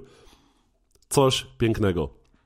Naprawdę warto sprawdzić. Forgotten City Szczególnie, że jest w abonamencie Game Pass od Microsoftu. O, to ciekawe, no, no. Po, powiem, tak. ci, powiem ci, że jak jest w abonamencie Game Pass, to, to, to brzmi mi na taką idealną grę, żeby ją sobie leniwie pograć już tak z łóżeczka wieczorem. Tak. Na telefonie tak, też można, Rafale, tak, to jest właśnie ten, ten plus. Ale na telefonie to, to bolą palce od wykrzywiania, jest, jest mały ekran bolą, i tak no. dalej. Tak, wiem Rafał, do czego zmierzasz.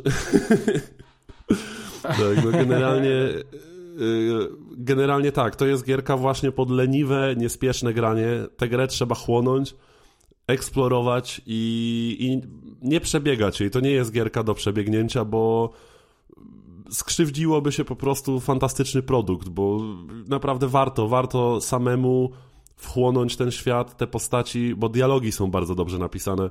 Tak jak już mówiłem, że o ile postaci same w sobie modele nie są jakoś e, wybitne, natomiast aktorzy głosowi zrobili naprawdę dobrą robotę. Dubbing, e, dubbing jest naprawdę wyśmienity i czuć emocje w tych głosach, e, dobrze się ich słucha.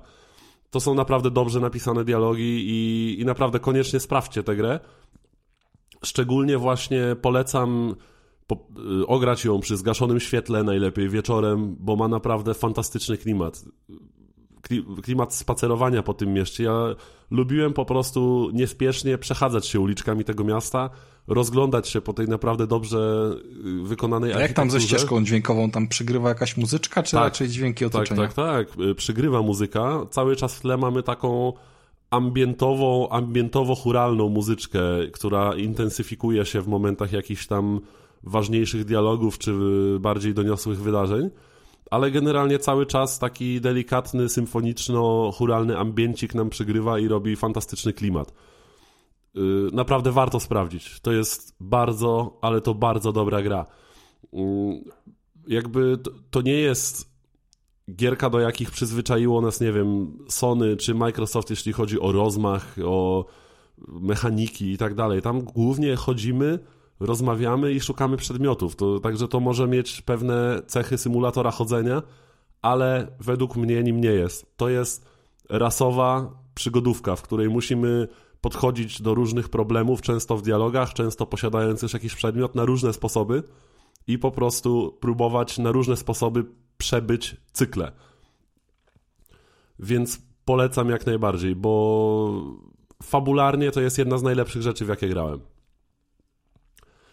Więc tak, tyle o ja to już rzuciłem City. do instalacji i na pewno będę sobie tak, w ogóle to jest świetna gra do grania z kimś. Yy, polecam ci, żebyś sprawdził z Patrycją. Odpalcie to sobie razem, bo jak wczoraj Agata przyszła yy, do mnie właśnie na chwilę yy, po pracy i ja w to grałem akurat i byłem już gdzieś myślę tak w połowie mojego czasu grania. A i tak jak usiadła, tak zadała mi tylko kilka pytań i wytłumaczyłem powiedzmy ogólny kontekst i nagle się niesamowicie wkręciła, że w tym momencie teraz kurwa jak skończę podcast nie będę mógł w to grać, bo zabroniła mi, zabroniła mi bez niej kończyć tę grę. Więc y, naprawdę gra ma magię w sobie, ma w sobie magię i, i tę magię bardzo lubiłem czuć, kiedy w nią grałem. Spoko, tam oczywiście y, po angielsku wszystko.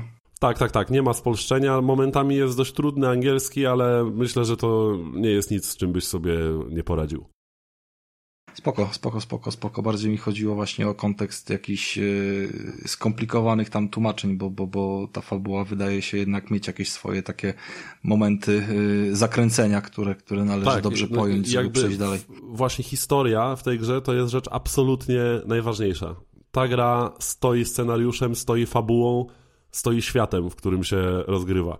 To nie jest gra, która cię powali mechanikami, złożoną rozgrywką i tak dalej, ale gwarantuję ci, że zerwie ci majtki klimatem i swoją historią. Zakładam, Więc... że już będę bez majtek grał w tą grze, grę, bo będę w nią grał w łóżeczku. I z Patrycją do tego. Pewnie też. Pewnie też. Zas, zas, zasadniczo po to taki, taki był zamysł, żeby móc y, po prostu już wykonywać tą ostatnią czynność przed snem. No właśnie, y, odnośnie wykonywania czynności takiej jak granie przed snem z łóżeczka. Powiedz mi, Rafał, ty sobie dzisiaj sprawiłeś nowy sprzęt, prawda? Tak, tak się składa, że yy, będąc poważnym człowiekiem, który kończy 35 lat, yy, zasadniczo za dwa dni, ale pewnie wtedy właśnie dostaniecie ten odcinek, więc yy, dziękuję, dziękuję, tak, oczywiście wiem, że się cieszycie. Stolarz, mm. stolarz, niech szyje, szyje płaszcz. Dokładnie tak, dziękuję. Postanowiłem dokonać równie dorosłego zakupu, czyli czwartej czy piątej już tam konsoli do, do domu, tak? Żeby po prostu coś było pod ten projektor, który mm, spisuje się tam całkiem nieźle, poza tym, że no, ten w sumie wentylatorek chyba tylko jest, jest y, jakiś upierdliwy, jeżeli chce się po cichutku czegoś pooglądać, to poza tym nie ma zbyt wiele wad, no i teraz y, stał się idealnym, y, idealnie uzupełniony przez małego Xboxa, który jest faktycznie kurewsko mały. Słuchajcie, widziałem setki zdjęć, wy też widzieliście setki zdjęć, wszędzie Ale to gdzieś tam jest zapchane. nie oddaje tego, jakie Żadne zdjęcie małe. nie oddaje, jakie to jest śmieszne małe pudełeczko. To jest mniej więcej tak, jakbyście wzięli y, Xboxa dużego, którego no myślę, że w naszym gronie większość osób na niego postawiło, tak, no bo lubimy mocne sprzęty i przekroili go wzdłuż, żeby jedną trzecią od niego odciąć. I to jest wtedy taki yy, placuszek taki podłużny, nie? I dokładnie tak wygląda ten Xboxik. Ja cały czas myślałem, że on bardziej przypomina y, jednak y, Eskę, którą, którą miałem przecież, zresztą też białą i że gdzieś tam bardziej do niej się odnosi, ale to jest całkiem inny kształt i inaczej gdzieś tam y, się go trzyma, leży w dłoniach. Y, po prostu tylko ten kolor tak naprawdę i odrobinę y, kanciastość jest, jest z tym kojarzona. Konsolka jest bardzo ciężka. To jest autentycznie masz, masz poczucie, jakby w środku był ołów, coś o większej gęstości niż wiesz, niż, yy, yy, niż woda, niż jeden kilogram na litr, tak? Jakby byłem zaskoczony wyjmując to, to z pudełka, że takie małe, to, to jest jednocześnie tak ciężkie, yy, co, co jest dobrym, tym, bo będzie stało stabilnie sobie nawet na jakiejś tam przestrzeni, wiesz, typu właśnie taka szafeczka przy, przy łóżku. No na pewno pozwala umieścić ją w, wielu miejscach y, takich, takich, y, no gdy robi się już ciasno, tak? Dla mnie Xbox Series to jest y, bardzo dobra alternatywa na drugą konsolę, tak, żeby nie, nie ładować się gdzieś tam, wiesz, w koszty i w momencie, gdy korzystając z jakiejś promocji możemy coś łyknąć za, za tysiąc y, złotych, y, choćby w, kon w kontekście tego, że pada mamy w zestawie, którego zawsze możemy gdzieś tam mm, spieniężyć, tak, to mniej więcej to tyle wychodzi czy tam z jakichś innych promocji, e,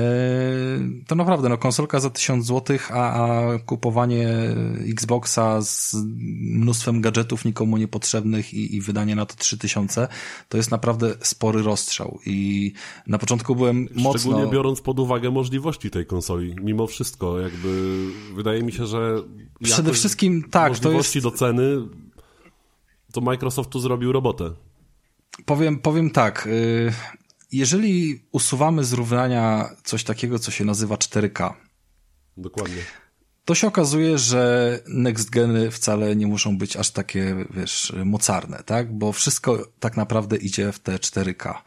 I to jest smutne. Gadaliśmy o tym ostatnio z, z Mikołajem też, że tak naprawdę jeżeli nie ma ciśnienia na 4K w kontekście telewizorów i tak dalej, czy tak jak e, w tym moim przypadku tego, tego projektora, mm, który no niby ma duży ekran, niby może i by było fajnie, ale ja kompletnie nie mam zastrzeżeń co do ostrości tego obrazu e, i jakby odpaliłem sobie raptem dzisiaj rano na próbę e, dopiero jedną grę, tylko Ori, żeby zobaczyć właśnie tutaj responsywność, no bo jakby nie miałem okazji jeszcze zobaczyć, czy jakiegoś nie będzie yy, upierdliwego w ogóle input laga, nie, w kontekście tego, tego projektora, bo on nie ma w ogóle tam jakichś ustawień obrazu, graficznych, jasności i tak dalej, bo, bo, bo tam jest wszystko domyślnie i co najwyżej tryb jakiś standardowy, kinowy, czy coś można e, zmienić, nie ma w ogóle przewidzianego trybu gry, więc, więc to pod tym kątem twórcy chyba nie myśleli, że, że takie to będą ładne zestawy, a, a jednak się okazuje, że bardzo do siebie pasują nawet i rozmiarem i na pewno wiem, że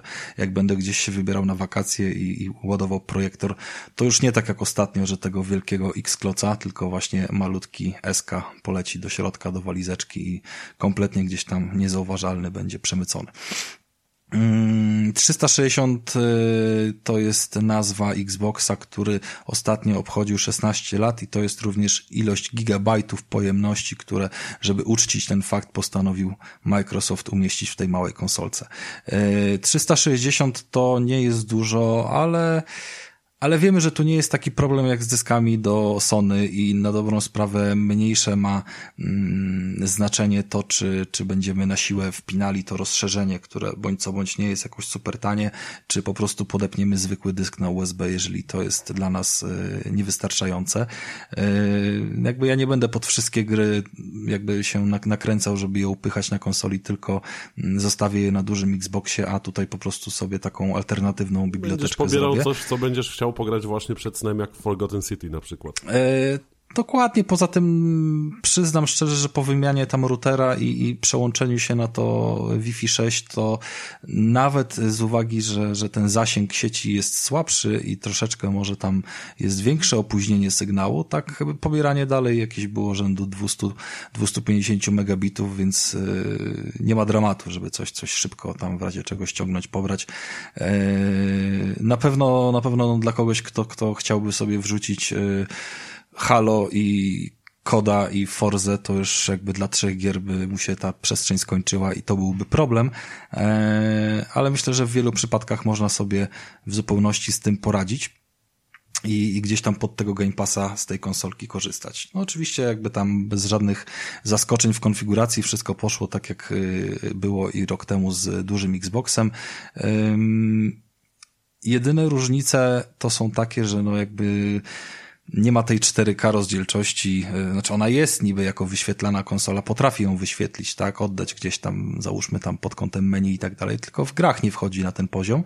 E, no ale jakby tutaj projektor sam w sobie też e, nie ma takich możliwości, więc, więc nawet się tam specjalnie ze sobą nie kłócą, tylko wszystko zostaje na, na etapie Full HD i, i działamy.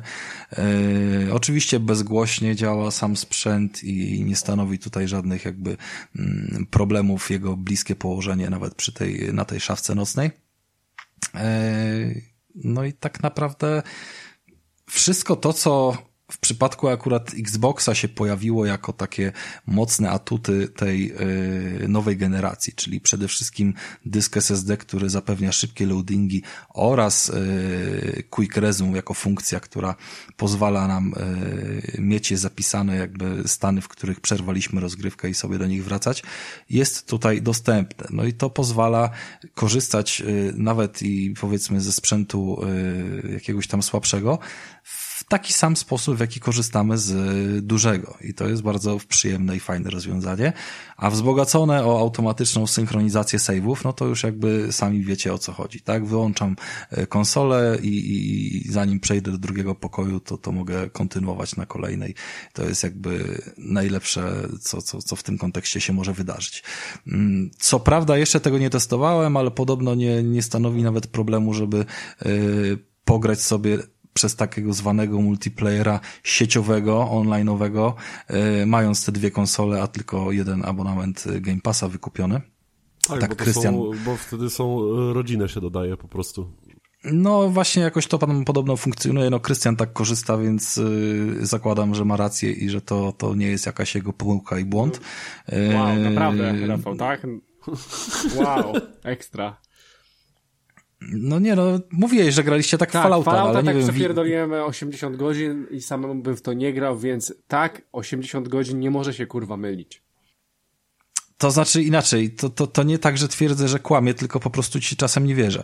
Yy, ale graliśmy razem kiedyś w Górników i widziałem to na własne oczy, że grałeś Aha, ty no i tak, grałeś, tak, grała tak, Ula, tak, więc, tak, więc jednak widziałem to na własne oczy, więc wiem, że można tak zrobić. No, Natomiast, ufaj, ale kontroluj. Ufaj, ale kontroluj, tego mnie nauczyła praca, yy, a ostatni jakby tydzień nauczył mnie tego, że ten sposób nie działa z pecetami. Miałem dosyć spore działa, zaskoczenie, że... Tak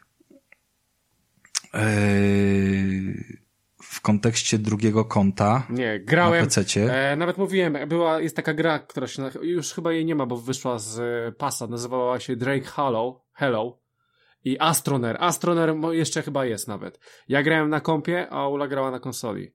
E, pod Xbox Microsoft te konto Game Pass. Miałem obie gry na Game Passie i tak graliśmy i dalej tak możemy grać. I wiesz no właśnie, dalej to działa. Co... Właśnie ja was, ja was Tronera w tym tygodniu grałem i był taki problem, że nie mogłem na PC odpalić Astronera z konta, które nie miało Game Passa, musiałem ze swojego. A jak odpalałem ze swojego, to na głównej konsoli mnie z niego wywalało. Dlatego tak, musisz Rafał, przestawić... chodzi o to, że trzeba Ko... konsolę dodać do rodziny tak zwanej, że, że one są w jednym... Ale jakby... PC-ta nie da się dodać do rodziny, tylko konsolę. Rafał, albo... Dlatego mówię, że z PC-tem Ewentualnie musisz zmienić, ustawić czyjeś konto na bazowe. Ja już nie pamiętam, jak ja to robiłem. Tam jest konsola domowa. Trzeba. Twoje, jeżeli... albo... musi być jako konsola domowa i wtedy e, konsola może korzystać z gier bez wylogowania. Znaczy czyli bez zalogowania mówiąc, konta. Czyli mówiąc brutalnie, jeżeli bym miał drugą konsolę, ona byłaby jako domowa, to na tej niedomowej można by grać coś ten deseń. Dobra, będę się bawił, będę próbował, na pewno ja jakoś to można zrobić, na pewno na pewno to nie jest jakoś tam yy, też super zawsze działające. Czasami jak każda gra online potrafi gdzieś tam napsuć krwi, no ale daje to więcej opcji. No i słuchajcie, no, no, no tyle. Dużo zaskoczenia takiego pozytywnego jakby z kontaktu y, pierwszego.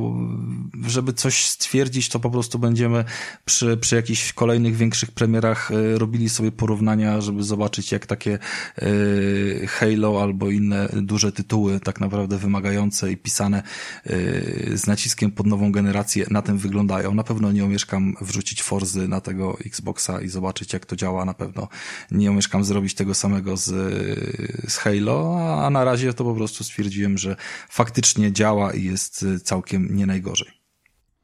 No i pięknie. Czyli dziś e, raczej z Rafałem my już się wypstrykaliśmy z tego, co mamy do powiedzenia. W końcu. Dlatego, dlatego, słuchajcie, będziemy przechodzić do głównego dania, które będzie w pięciu smakach. nie, nie, w pięciu danie. smakach to jest chińskie, u niego będzie sushi. Sushi będzie, no tak, bo y, gra, y, cytuję tytuł, y, Shin Megami Tensei, y, przepraszam, Shin Megami Tensei 5. Tak, dobrze mówię? Pięknie, pięknie mówisz. Christian? Lepiej bym tego nie powiedział. e, bardzo chętnie tak. już, Christian nam już powie kręczę, o tej grze. Już, już kręczę i będziemy się bawić. Dobra, e, słuchajcie, e, powiem wam, powiem wam, e, powiem wam o tym tytule, ale tak sobie stwierdziłem, że powiem troszeczkę o, o, nim nietypowo, ze względu na to, żeby się wyróżniać od wszystkich, szczególnie od was, jesteście kompletnie nieprzygotowani. E, u Rafała pięć razy już ziewałem na początku, więc ja was troszeczkę pobudzę. E, więc... Bo kurwa o dziewiątej nagrywamy, spoko, dlatego ziewałeś, bo się nie wyspałeś. Kurwa, snajperze, który w ogóle jest sam nudny sam w sobie. Dobra, nieważne. E, słuchajcie, e, cofamy się, cofamy się teraz do 2000... Do... Dlatego powiemy o JRPG-u. E, dokładnie. Słuchajcie, cofamy się do 2000 roku. Mamy małego Krystiana, który ma 13 lat.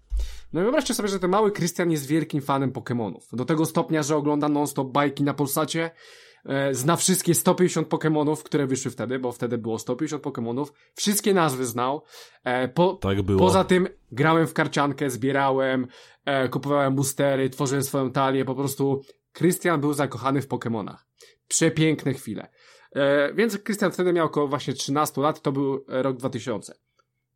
No i Christian, wyobraźcie sobie, miał taką platformę do grania handhelda, w sumie pierwszego, którego miał, e, to był Atari Lynx. E, możecie go kojarzyć, to była w kurwę wielka konsola. Oj, oj, oj. Jaki to jest w ogóle relikt Tak, już. tak, słuchajcie, to była wielka konsola, odzwierciedlała się tym, że w stosunku do Game Boya, który wtedy wyszedł, była kolorowa. E, no i miała tam opcje dla leworęcznych, ale to w ogóle, to było akurat z dupy. Faktem jest, że była ogromna, na sześć paluszek i Christian sobie na tym grał.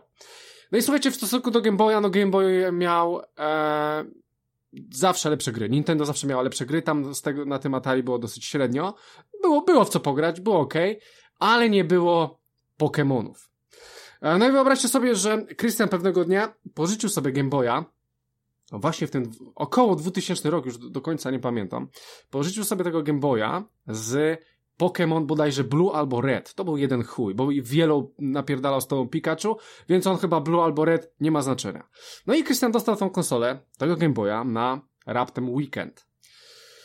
Na weekend, chyba nawet poniedziałek, maksymalnie wtorek, więc ogólnie bardzo małą ilość czasu, a Christian chciał jak najwięcej w to pograć, w ogóle grał w to, był, ło kurwa, jakie to jest zajebiste, wybrał sobie na początku Bulbazaura i z nim popierdalał e, po prostu po całym świecie i zbierał inne Pokémony, no po prostu mistrzostwo świata.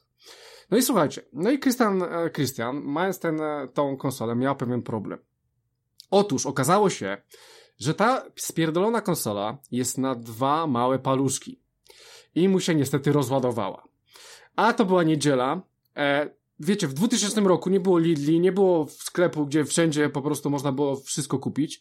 E, w Pruszkowie, w którym Krystian mieszkał, nie było praktycznie nic a Christian musiał pograć w tą konsolę, bo by, bo by po prostu pierdolca dostał. Więc wymyślił sobie, że jedynym momentem, jedynym sposobem, żeby pograć w te jebane Pokémony, trzeba udać się po te jebane paluszki do Janek.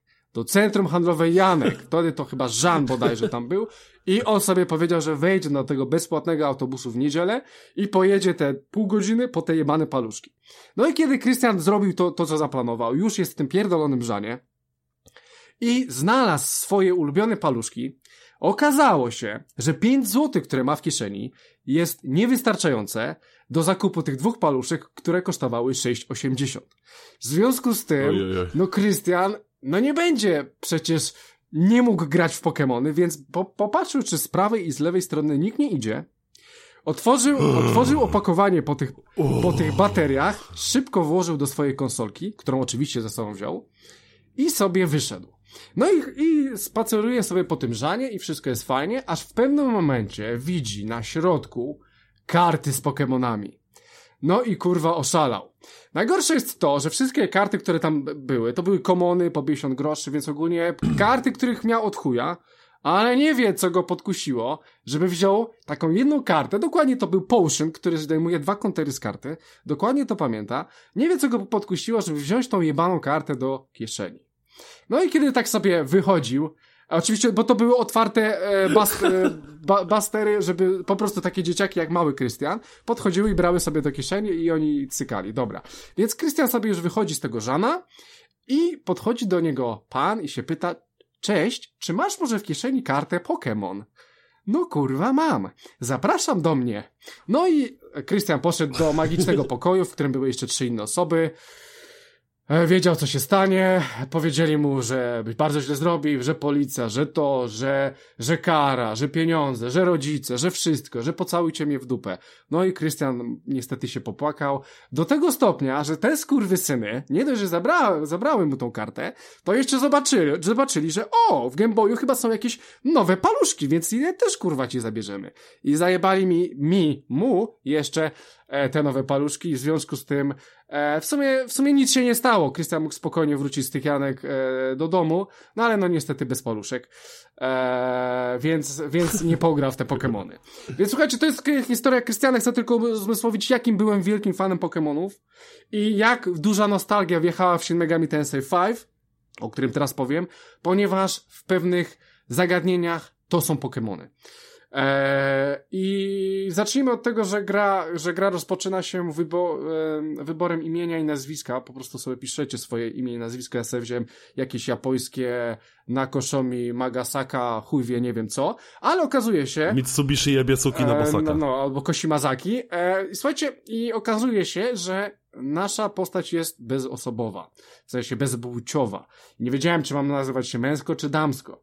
Bo jest ogólnie płaska ta postać, chociaż cyski latają w tej grze jak pojebane i wszystko jest odsłonięte, ale z drugiej strony e, ona w tym alternatywnym świecie Upside Down, będę to tak nazywał, jak ze Stranger Things, jest po prostu, ma długie włosy i wygląda jak, jak dziewczyna, chociaż w szkole jest krótko obcięta. Więc ogólnie nazywam ją męsko, ale chyba jej bardziej do damskiej osobowości niż męskiej. Ogól, Okej, okay, słuchajcie. Ogólnie jesteście sobie uczennicą, uczennicą, u, uczennicą, uczennicą, u, uczniem e, szkoły w, w Japonii. Krystian Maudar. E, cicho. E, szkoły, szkoły w Japonii, w Tokio, no i okazuje się, że, że jest jakiś wybuch, coś się dzieje, coś się rozpierdala i okazuje się, że jakieś demony wyskakują i wtedy trafiacie do Upside Down, czyli do takiego drugiego alternatywnego świata, w którym są po prostu demony.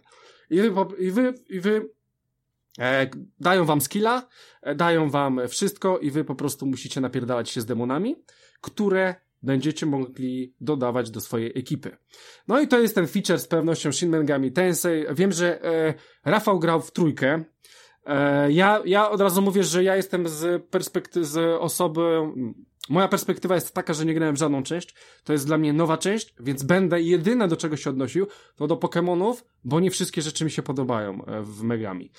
E, więc e, zbieranie tych demonów jest bardzo fajne. Ponieważ to jest japoński RPG, więc mamy siebie i trzy demony w drużynie, więc będziemy sobie zbierać te demony. No i demony zbiera się całkiem sensownie, fajnie, ponieważ mamy jakąś walkę z demonami i zamiast ją, ich, je napierdalać, możemy sobie z nimi pogadać. No i sobie z nimi gadamy, co tam słychać, e, a nudzę się, coś tam może zatańczysz. No i ty tańczysz. E, dobra, dojdę do drużyny, jak dasz mi to, dasz mi to, dasz mi to, dasz mi to. Dobra, zrobię to wszystko, biorę go do drużyny, mam już pierwszego demona. I mniej więcej tak to działa z innymi demonami. Nie można brać na wyższym poziomie niż ty jesteś demonów, bo po prostu do ciebie nie, nie wejdą. Poza tym nie bierze się w z, bodajże wtedy, kiedy jest zaćmienie księżyca, bo tam jest księżyc rozpisany, ale o tym nie muszę wam mówić, bo to i tak nie ma żadnego znaczenia do mojej recenzji. Więc po prostu zbieramy sobie te demony. E, no i, i, i mamy taką fajną drużynę zbudowaną z demonów, mniej więcej tak jak z Pokémonami. Z tym, że nie wszystko tutaj do końca działa tak, jak e, działać powinno, przynajmniej dla mnie. I teraz tak, z, zanim pójdę dalej, powiem wam, co się stało. E, ja mam 28 godzin w tej grze, więc bardzo dużo. Jestem w 70%. E, ta gra ma pewne problemy, o których powiem i wiem, że po tych 70% miałem dwie opcje. E, albo męczyć się dalej i ją przejść, czego bardzo nie chciałem, albo mogłem ją przejść, ale musiałem mieć e, pewien, pewnego rodzaju przerwę. E, nie taka jak Rafał miał przerwę przy Forzie, bo Rafał nie miał przerwy przy Forzie i tam się nie da pierdolnąć 50 godzin, bo po prostu gra jest, gra jest specyficzna, więc mogłem ją zostawić i wrócić do niej za, za jakiś czas, ale to jest gra z patrona, więc e, pozdrawiam e, osobę o imieniu M, dzięki której mogłem ograć ten tytuł. Ten tytuł już e, wędruje do ciebie z UK, więc on już gdzieś tam jest, pewnie na granicy niemieckiej, albo może imigranci z Białorusi ją przejęli, nie wiem, ale gdzieś tam do ciebie już pewnie śmiga. E, faktem jest, że e, olałem to, bo do tych 70%, ja mam 28 godzin, z pewnością mam 33, bo savey tam pojebane są w tej grze. E, ja już wiem o tym wszystko, żeby wam dzisiaj powiedzieć e, o co, o co chodzi. E, dla recenzji nie było sensu przechodzenia tego, a ja też się nie chciałem męczyć.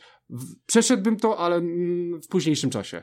Za dużo ciekawych rzeczy jest teraz i zresztą wymęczyło mnie e, pod koniec. E, dobra, więc słuchajcie, zbieracie sobie te demony, wszystko jest fajnie e, i dochodzicie do pewnego stopnia, do pewnego momentu gry, który mnie, mnie bardzo wkurwiał, że wy levelujecie, wasza postać leveluje, poziom pierwszy, drugi, trzeci, czwarty. Tak samo dzieje się z demonami, z tym, że w pewnym momencie jak wy na przykład uderzacie z poziomu 5 do 10, to wasze demony uderzają z poziomu, załóżmy, 5 do 8, 9 max i później uderzają bardzo, bardzo wolno. Ten exp oni muszą mieć bardzo duży, żeby iść na level wyżej. Co oznacza, że do swoich demonów nie możecie się przywiązywać, bo co chwilę macie roszadę, e, roszadę w swoim teamie, co mnie po prostu wkurwiło, bo chciałbym się przywiązać do jednego fajnego demona i przejść nim połowę gry. Nie, ni chuja. E, przechodzicie parę poziomów i musicie z niego zrezygnować, ewentualnie połączyć, o czym zaraz powiem, bo on już jest, ma za niski poziom, już za wolno leveluje, nie odblokowywują mu się dodatkowe umiejętności, musicie już szukać innych leveli, e, innych demonów, które po prostu są na świecie już z wyższym poziomem, bo będziecie chodzić po tym świecie i wiadomo, że będzie coraz wyższy poziom. Nie pyknęło mi to, nie podobało mi się to, e, na początku byłem zajarany tymi demonami, a później jak zobaczyłem, ej kurwa, ja muszę rezygnować ze swoich demonów na rzecz wyższo, wyż, wy, wyższo, wyższo levelowych, więc stwierdziłem, o nie, kurwa, ja chcę Pokémony. Więc nie do końca mi to pykło. E, może nie jest to złe dla wszystkich, ale wasza drużyna co, co chwilę będzie się zmieniać. Stety, niestety. I słuchajcie, z tych demonów, które macie, możecie łączyć. Możecie łączyć różne demony, które ze sobą macie. E, łączycie demona A z demonem B, powstaje demon C. Demon C, i, i to też jest e, taka chujowa opcja, bo stwierdziłem sobie, wow, można łączyć demony, ale super, powstanie mi nowy, unikalny, zajebisty demon. E, no tak, ale ten unikalny, zajebisty demon pojawi się zaraz na grze i będzie można po prostu sobie z nim pogadać i wziąć go do drużyny. Więc też się wkurwiłem, że te, te łączenie tych demonów, co myślałem, że będzie zajebiste i będę, będę miał unikalne demony, nie spotkajcie je w grze, ni chuja, one wszędzie kurwa są. I to też mnie tak, po prostu z tymi odrzutowymi demonami na niższych poziomach łączycie i powstają wam troszeczkę wyższy, wyższo-levelowe demony, które i tak poznajecie w grze, więc fajne, nie fajne. Na początku nie wiedziałem o tym, więc się zajarałem, później stwierdziłem, a kurwa, przecież to wszystko jest w grze. Więc są jeszcze coś takiego jak demony specjalne. Ich jest bardzo mało. Ja, zauważyłem no, pięć w grze. Pewnie jest więcej. Po, powiedzmy, że jest osiem w grze. Je też e, łączymy, ale już potrzebujemy na ogół trzech demonów i wtedy powstaje wam jeden specjalny, ten jeden specjalny no nie ma go, e, nie uraczycie go w grze, chociaż nie zawsze są wyjątki. E, ale to już są takie fajniejsze demony, no to jedyna fajna rzecz, ale ja miałem przez całą grę dwa albo trzy takie demony, a demonów przewinęło mi się pewnie koło 25-30, więc e, średnio z tym. E, dobra, słuchajcie, więc mamy japoński RPG, w którym walczymy demonami, no i na czym ta walka polega? No walka polega na tym, że wybieracie jedną ze specjalnych umiejętności waszych demonów, e, klikacie kogo chcecie atakować i atakujecie. Z tym, że Mamy coś takiego, to samo praktycznie co było w Pokémonach, czyli weaknessy, e, rezystensy. Czyli e, nasza, nasze demony są odporne na jakiś żywioł, jest ich sześć w grze i mają jakiegoś weaknessa na ten żywioł, więc te obrażenia ich e, bardziej bolą i jeszcze przeciwnik dostaje dodatkową turę i tak jest w drugą stronę. Więc po prostu trzeba na ogół rozkminiać, e, jakiego weaknessa na co, na jakiś, na, na, na jakiś żywioł ma przeciwnik, powiedzmy na ogień, i starać się go atakować ogniowymi e, atakami waszych demonów. Ewentualnie te demony wasze można zmieniać w trakcie walki, więc jeżeli macie, załóżmy, jakiegoś lodowego, e, który w ogóle jest z dupy, to staracie się zamienić z, w drużynie kogoś, kto ma ten, e, ten ogniowy atak, więc żeby to dało wam weaknessa. I dzięki czemu, że przeciwnik ma weaknessa, wy macie dodatkowy atak, możecie mieć do czterech dodatkowych ataków i walicie krytyki i wszystko. Kombinujecie, patrzycie jaki będzie najbardziej korzystny dla was atak, żeby atakował ich te weaknessy. Musicie je najpierw odkryć. Jest skill, który nazywa się Spyglass bodajże, odkrywała wszystkie weaknessy przeciwników, albo sami musicie napierdalać i rozkminiać e, co one tam mają. No i po prostu to jest taki papier, nożyce, kamień, cały czas atakujecie, ewentualnie rzucacie sobie spele, ewentualnie się leczycie, macie demony, które leczą, ewentualnie, nie wiem, poisonujecie przeciwników. Po prostu normalny taki japoński RPG e, turowy e, tutaj się odpala. Spoko. Ogólnie, ogólnie sama walka była spoko, jest bardzo wymagająca. E, no i niestety jest też kolejny mankament, który jest dla mnie pierdolony grid. Grind. Trzeba grindować w tej grze jak po prostu e, pojebane. Słuchajcie, tak jak ja, trafiam do pewnego momentu, w którym jest boss. Walczę z tym bossem, okazuje się, że jest poza moim zasięgiem. O kurwa macie, jest poza moim zasięgiem. Więc co? Więc muszę się cofać i albo robię subquesty, w której dostaję expa, albo szukam innych demonów, walczę z innymi demonami, żeby moje podnosiły level, bo nie przejdę tego bossa. No i to może tak trwać godzinę, dwie, trzy, więc dla niektórych to może być strzał w kolano i stwierdzić, o nie, kurwa, ja tak grać nie będę. No ale no niestety, w niektórych sytuacjach trzeba się wymęczyć, robić ten pierdolony grind i walczyć z tymi samymi przeciwnikami, żeby tylko wasz level poszedł do góry. E, wasz level idzie do góry, wtedy możecie, odblokowują wam się, e, w tak, macie takie kompendium demonów i na przykład mam level 15, odblokowało mi się dwóch demonów na 15 i teraz patrzę, jakich demonów potrzebuję, żeby je połączyć. Szukam tych demonów wcześniej, łączę, powstaje mi demon na 15, mam już demona na swoim poziomie, super. Ewentualnie mam jakiś e, w teamie demony na 14, może na 16, jest to możliwe.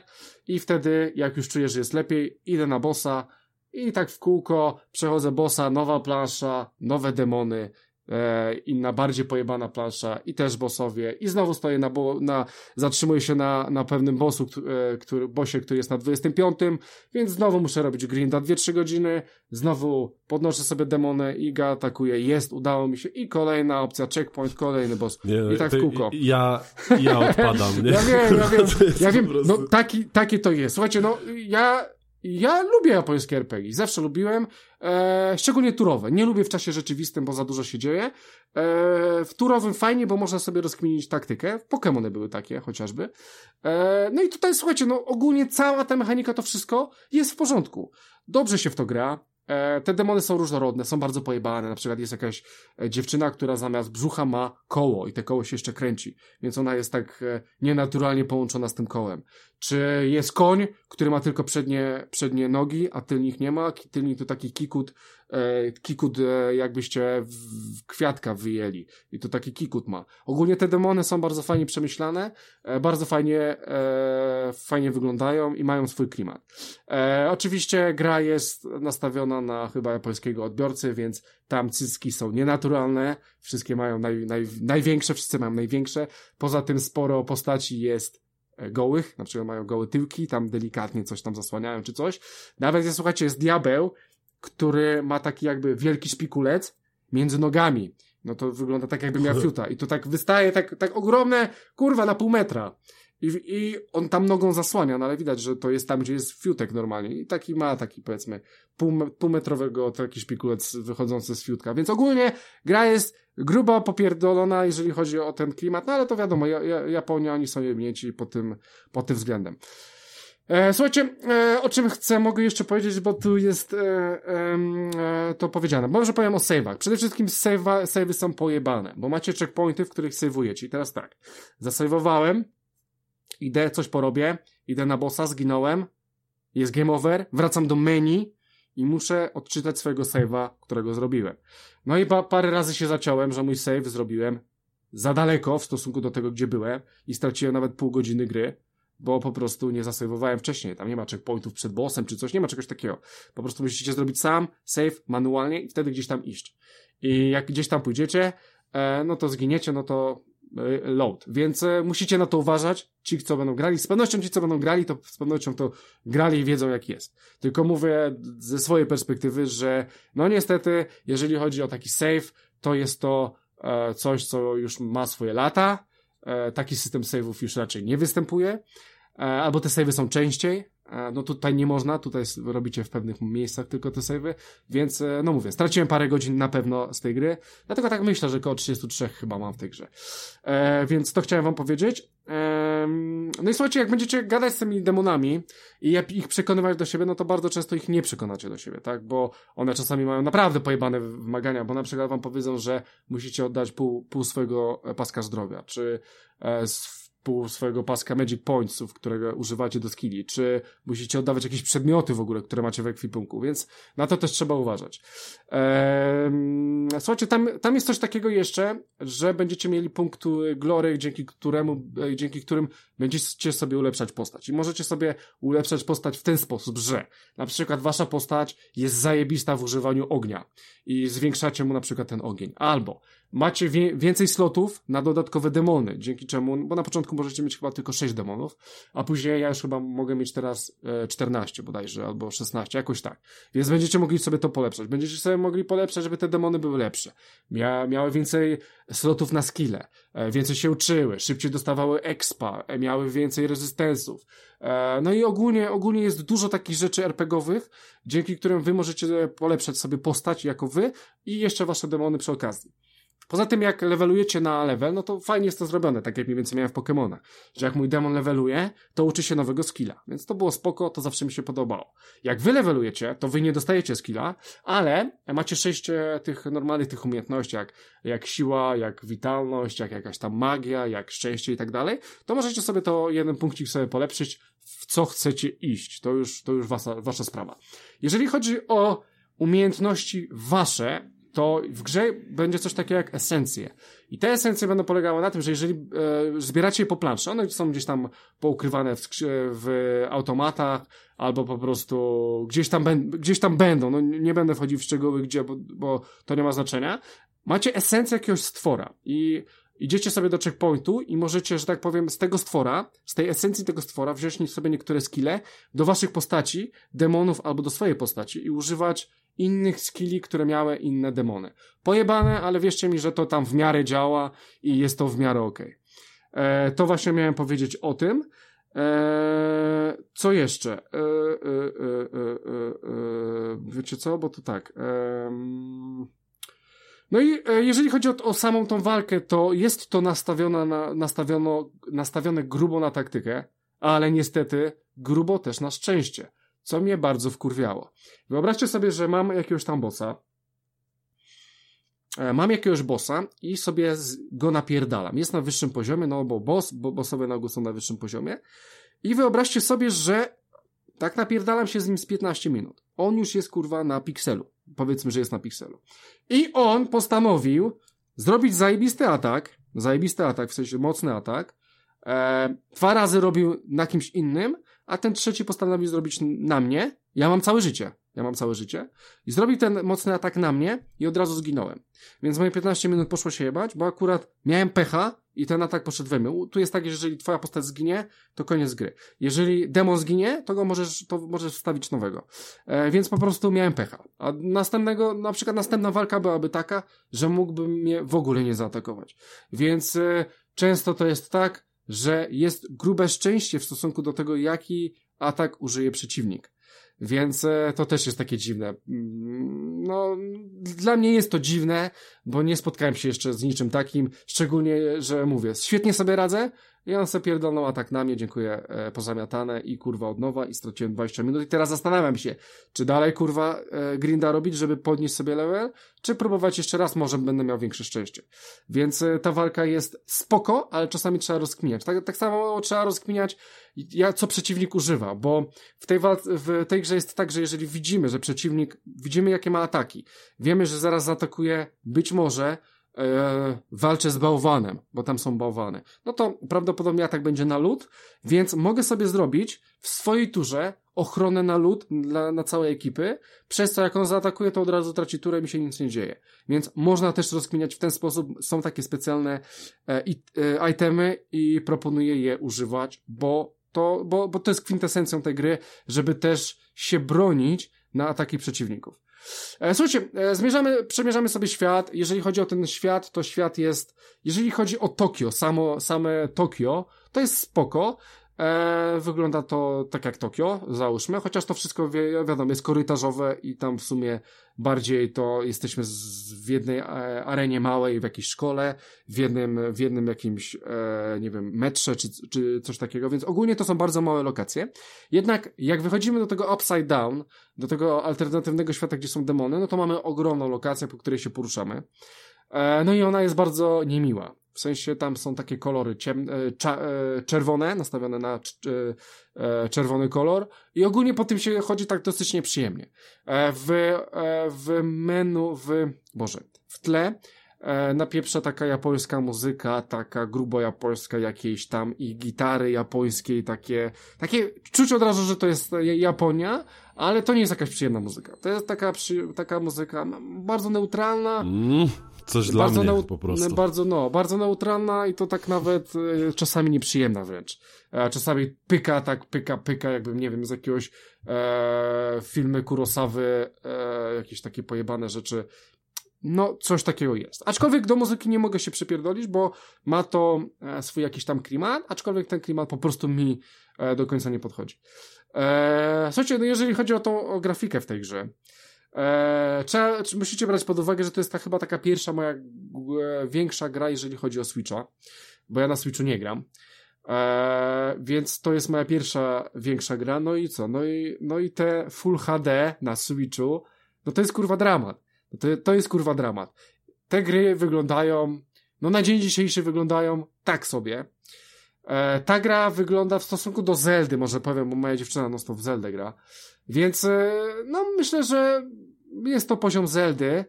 E, czasami szczegóły mogą nawet być lepsze niż w, Zel w Zeldzie, a czasami jest gorzej niż w Zeldzie. Więc e, nie wiem, nie wiem za, za bardzo, e, czy jest lepiej, czy jest gorzej. No, może suma summarum no, chyba jest jednak troszeczkę gorzej niż w Zeldzie z tą grafiką. No i powiem wam, że no taka kurwa pikseloza to ja jebie, panie. Kiedy ja coś takiego widziałem, takie w ogóle wielkie litery na 65, wow. No i jak się wzięło to, to do ręki, no to zupełnie ta gra inaczej wygląda. E, wygląda oczywiście zdecydowanie lepiej. No ale e, powiem wam, że ciężko się gra, jeżeli tak przewalasz 20 godzin na telewizorze, a później próbujesz grać w łóżku, tak?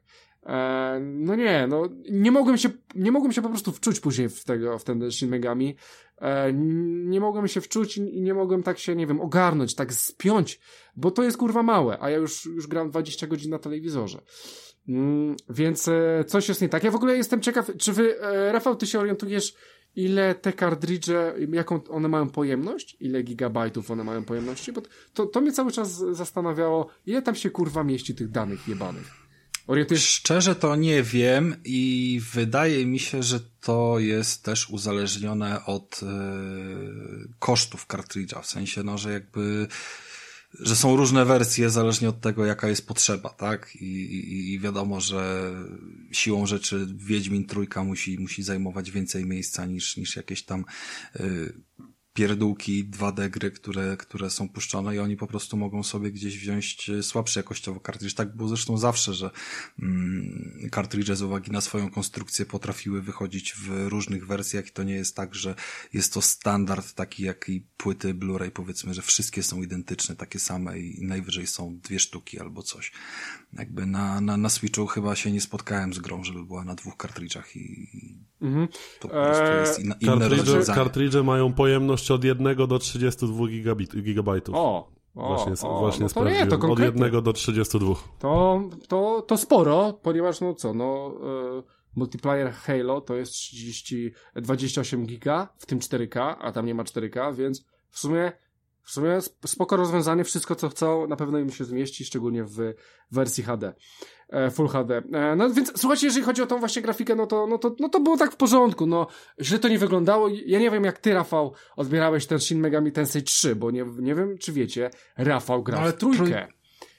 Grałem chwilę trójkę, ale trójka no, była remasterem, który w ogóle nie wyglądał jak remaster, tak? I, i kompletnie jakby nie czułem, że mam do czynienia z, z z czymkolwiek, co wyszło kiedykolwiek poza erę yy, PlayStation 2 i to w kontekście takiej prostej gierki, a nie, nie gdzieś tam jakość Metal Gear, mm. nie?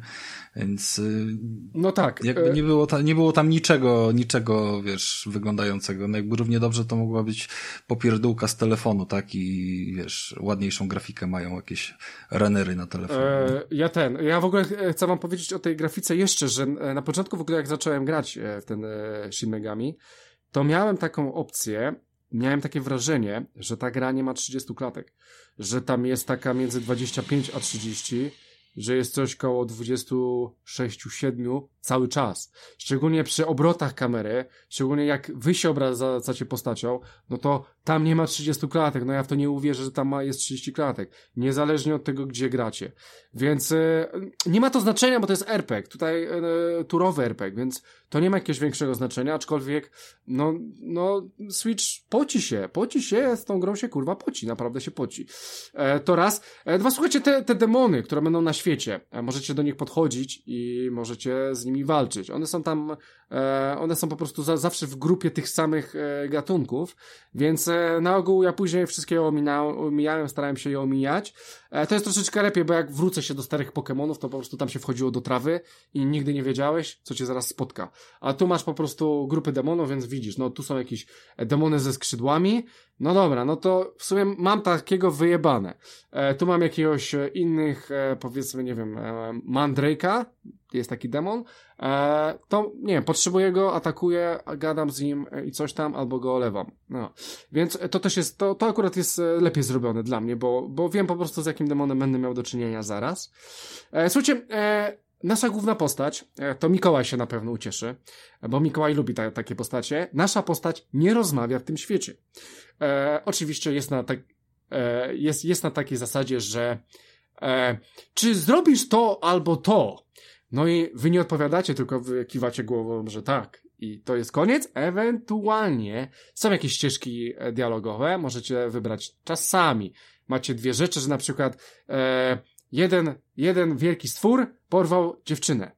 I ta dziewczyna jest tym stworem, tak jakby to jest jedna postać. I teraz tak, macie do wyboru. Czy chcecie, czy bardziej zależy wam, żeby zajebać tego demona, czy żeby uratować tą dziewczynę? No i to jest wasz wybór. Co chcecie zrobić? Ja aczkolwiek miałem na nią wyjebane. Ale wy, wybór zostałem wam.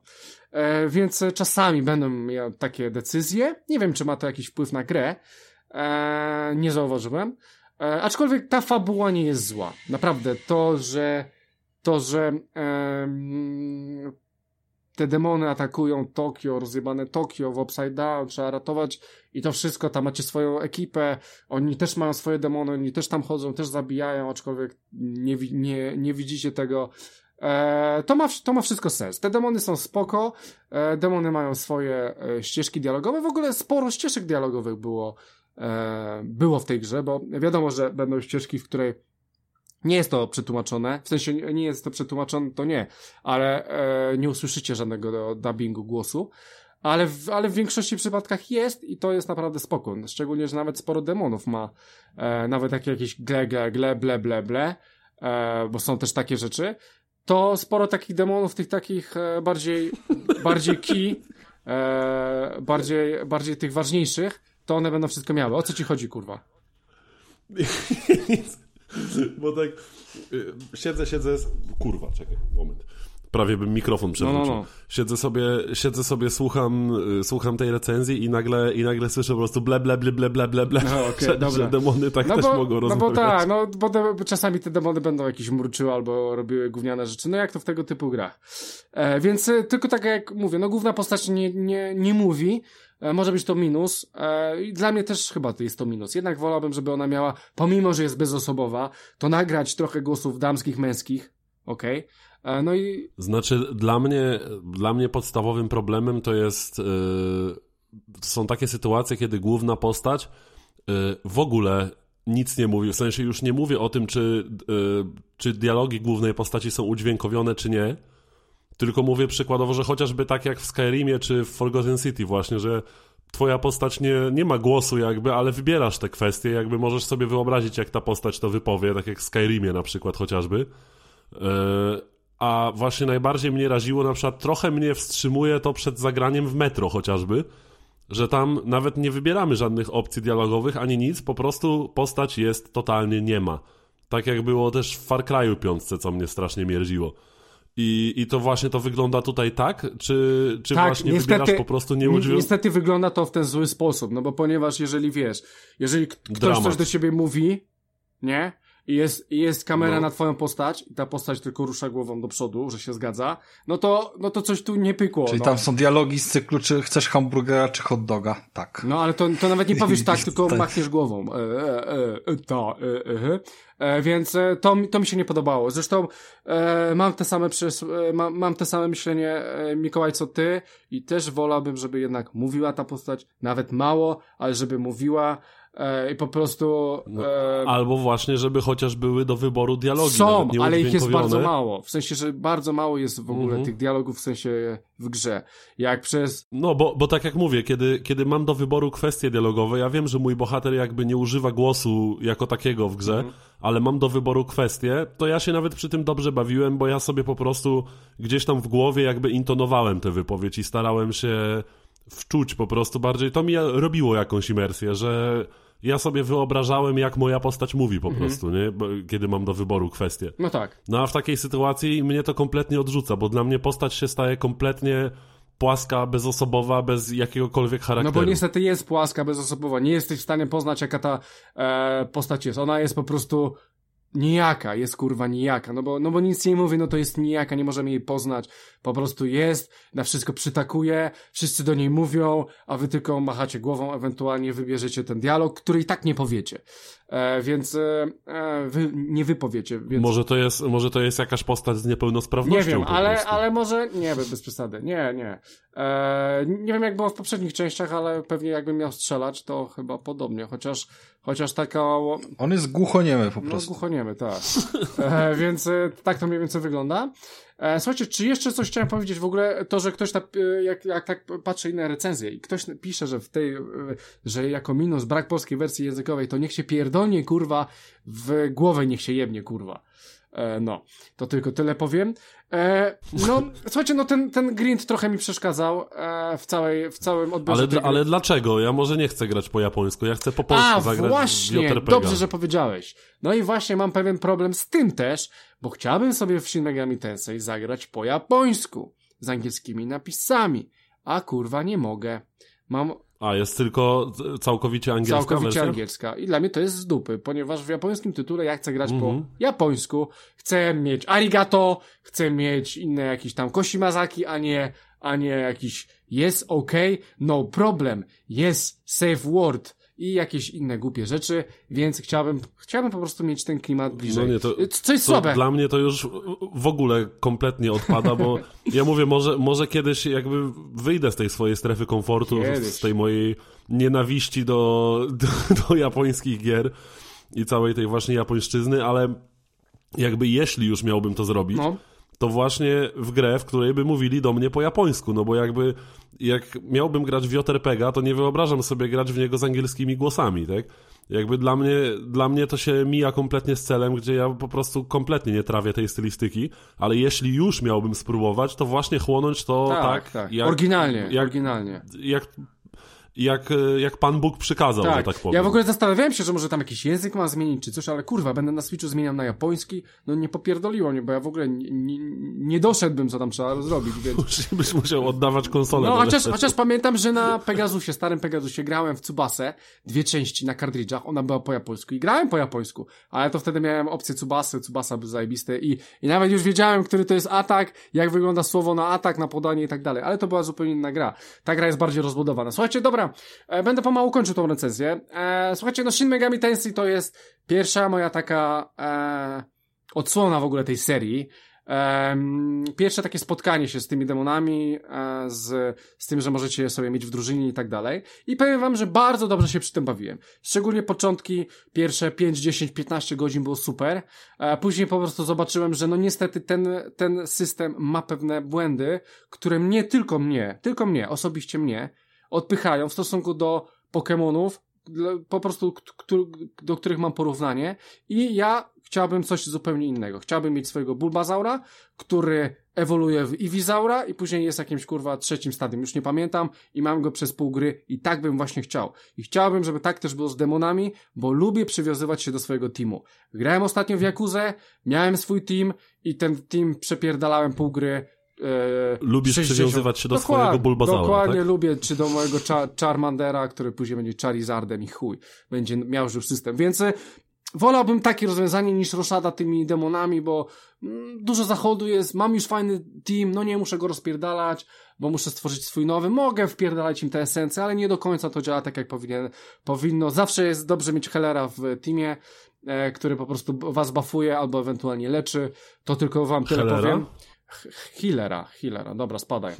E, hell w sensie, że bo to, bo to chciałem połączyć demona, diabeł, piekło z osobą, którą leczy, więc był healer. A, A widzisz! Jaki mindfuck. E, tak, to ładne, tak, ładne. to było piękne. E, więc słuchajcie, e, polecam, jak najbardziej polecam. Ja świetnie się przy tym bawiłem. E, tak jak mówię, dziękuję naszemu patron, patronowi e, na literę M. gra do ciebie już leci. E, jakbym miał wystawić jakąś ocenę, to bym wystawił taką solidną ósemkę. E, I naprawdę, przeszedłbym tą grą, grę, ale na przykład chciałbym sobie teraz zrobić parę dni przerwy, bo e, opcja, że znowu, bo w tej jestem sytuacji, mam nową mapę, doszedłem do pewnego momentu, w którym, no niestety jest boss i widzę, że już muszę zmieniać cały swój team, muszę grindować, muszę levelować, już, już po prostu po codziennej takiej grubej dawce tych godzin w tą grę, bo ja mam ją około tygodnia mam tą grę i naprawdę 32 godziny to, to dużo jak na mój wolny czas, plus jeszcze Halo, które, o którym niestety nie powiedzieliśmy, ale za dwa tygodnie na pewno powiemy. E, to naprawdę to jest du e, duży okres czasu, mocno ją martretowałem, gwałciłem ją trochę jak Rafał Horizona. E, no i niestety muszę tutaj mieć małą przerwę, ale no nie chcę, żeby patron też czekał na tą grę nie wiadomo ile, dlatego ja już wi widziałem w tej grze wszystko, co powinienem. E, gra do ciebie leci, a ja być może sobie kiedyś jeszcze ją dokończę, bo, bo, bo chciałbym skończyć tą historię. Chciałbym skończyć tą historię tylko za jakiś czas. E, bo może być naprawdę fajna i czy, i nawet tak, nawet troszeczkę by mnie podkusiło, żeby, żebym ogarnął sobie jakieś e, starsze części, może jak będzie na jakiejś promocji, to może bym sobie e, kupił. Oczywiście tego nie zrobię, tylko tak pierdolę, ale, ale miałbym jakąś tam szansę, jeżeli ktoś by coś kupił, nie wiem, Tomek, pozdrawiamy Tomka, może on tam bo mam jego konto, może on by kupił jakiegoś starszego, to bym ograł. No, no, że jakby możliwości jest od groma, więc... Na święta, na to, święta to tak. Personę zagraj, która jest na playce i... Tak jest? A no tak, przecież to jest też na playce. No tak, zapomniałem. No, piąt, piątka persona jest na playce, Exem tak, jest tak, de facto tak. nawet e, chyba... Persona, a, a persona, persona to jest, jest, z tego, co przeczytałem, spin-off, nie? Tej serii. Persona, cała seria jest spin-offem serii Shin Megami. O to kurde nie no, wiedziałem. Właśnie. Czyli Shin Megami to, się, to jest ta to główna się... część, a Persona to jest... Tak, tak. Aha, tak, tak. no to widzicie jaki świat mały. I to się ciągnie, i to się ciągnie już tam z dobre... Ale, a wiesz, czy w Personie są demony? Też jest ten system z demonami? No są, tam też jest ten, tam tak. ten dungeon crawler, że tam masz część życia w szkole, a część Aha. właśnie jakimś underworldzie no tak, czy ale jestem ciekaw, czy są demony. No ciekawe, to mnie zainteresuje, szczególnie, że ta piątka jest mocna. No, no zasadniczo e... jest ten sam świat gry, więc tak. Słuchajcie, jeżeli chodzi o stopień trudności w Shin Megami Tensei, bo właśnie to jest jeszcze ciekawa opcja, to ogólnie gra jest dosyć trudna. E, ze względu na to, że e, no robisz ten, tego, ten grind, levelujesz i no i Czyli najchujowszy rodzaj trudności, jaki może być, tak naprawdę. No tak, ale wiesz, ale też, też, też jest tam, jest trochę taktyki i trzeba porozkminiać parę rzeczy. E... No ale kiedy coś, stary, kiedy trudność wynika z tego, że wyzwanie jest ukryte za ścianą grindu, to dla mnie to jest po prostu karygodne. Ja nie akceptuję kompletnie grindu w grach. Po, powiem tak. Gra ma być przyjemna powiem po tak. prostu, a nie ma być pracą, kurwa macie. E, oczywiście jest tak, że jeżeli, jeżeli e, wiesz, no jest boss, dobra, zatrzymałeś się, okay, przy bossie jeżeli że zrobisz tego grinda, levelujesz 2-3 levele, no to wiadomo, że będzie się z nim grało łatwo, tak? E, jeżeli nie, no to wiadomo, że będzie się z nim grało ciężej. E, być może będzie nawet nie do przejścia, więc to już od ciebie zależy. No niestety tak są te japońskie RPG zrobione, to nie jest, to nie jest pierwsza rzecz, bo grałem w te japońskie e, wy, wykurwiszcze i grind jest wszędzie. Chyba nawet w Pokémonach pamiętam, że też był grind, bo miałem chujowe Pokémony, jakiś turniej był i chuj, no i muszę levelować te jebane Pokémony, bo one są za chujowe. Więc no niestety Mikołaj tak jest. W dużej po prostu jakości... G w JRPG oznacza grind. To nie, nie wiem jak ty Rafa miałeś w finalu, ale na przykład ja w Jakuzie też musiałem robić grinda, bo zatrzymałem się na bosie, aktualnie nawet, e, moja, moja rozgrywka, za, zatrzymałem się na bosie i też widzę, że mam za niski poziom.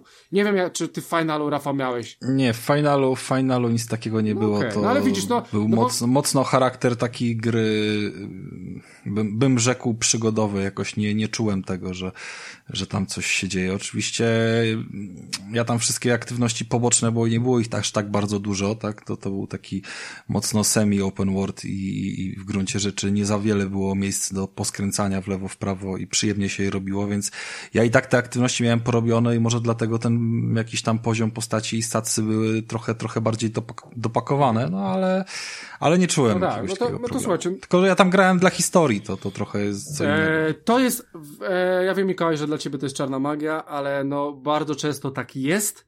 E, ten poziom trudności jest e, proporcjonalny do twojego grindu spędzonego przed walką z bossem. I niestety tak jest i ja już pograłem w tyle werpegów, że tak jest. Tam jest w ogóle trzy rodzaje e, poziomu trudności. Grałem na normalu, na tym e, drugim, jest jeszcze trzeci, e, ale nie próbowałem. E, więc słuchajcie, możemy kończyć. Możemy kończyć mój wątek o Shin Megami Tensei 5. Fajnie, że sobie w to zagrałem. Eee, i, I po prostu polecam. Polecam dla osób, które lubią właśnie też, te, wydaje się, że te persony też. Eee, dobry tytuł, dobry tytuł. Eee, gdzieś przeczytałem, że ktoś powiedział, że to gra roku, to tylko powiem mu, weź się pierdolni dzieciaku w czoło i, i zobacz, czemu to miałoby być gra, grą roku, jak wszystkie te mechanizmy, ja je kurwa widziałem gdzieś wcześniej. Ta gra nie wymyśliła koło na nowo, zrobiła coś po prostu bardzo dobrze, solidnie, ale nie kurwa, żeby być grą roku. W jakimś podcaście w ogóle gdzieś przeczytałem. E, czy Shin Megami będzie grą roku? Gdzie kurwa grą roku? Nie będzie grą roku, pojebało ci się. Dobra, nieważne. E, to tyle, to tyle ode mnie. Gierka naprawdę jest super, świetnie się bawiłem.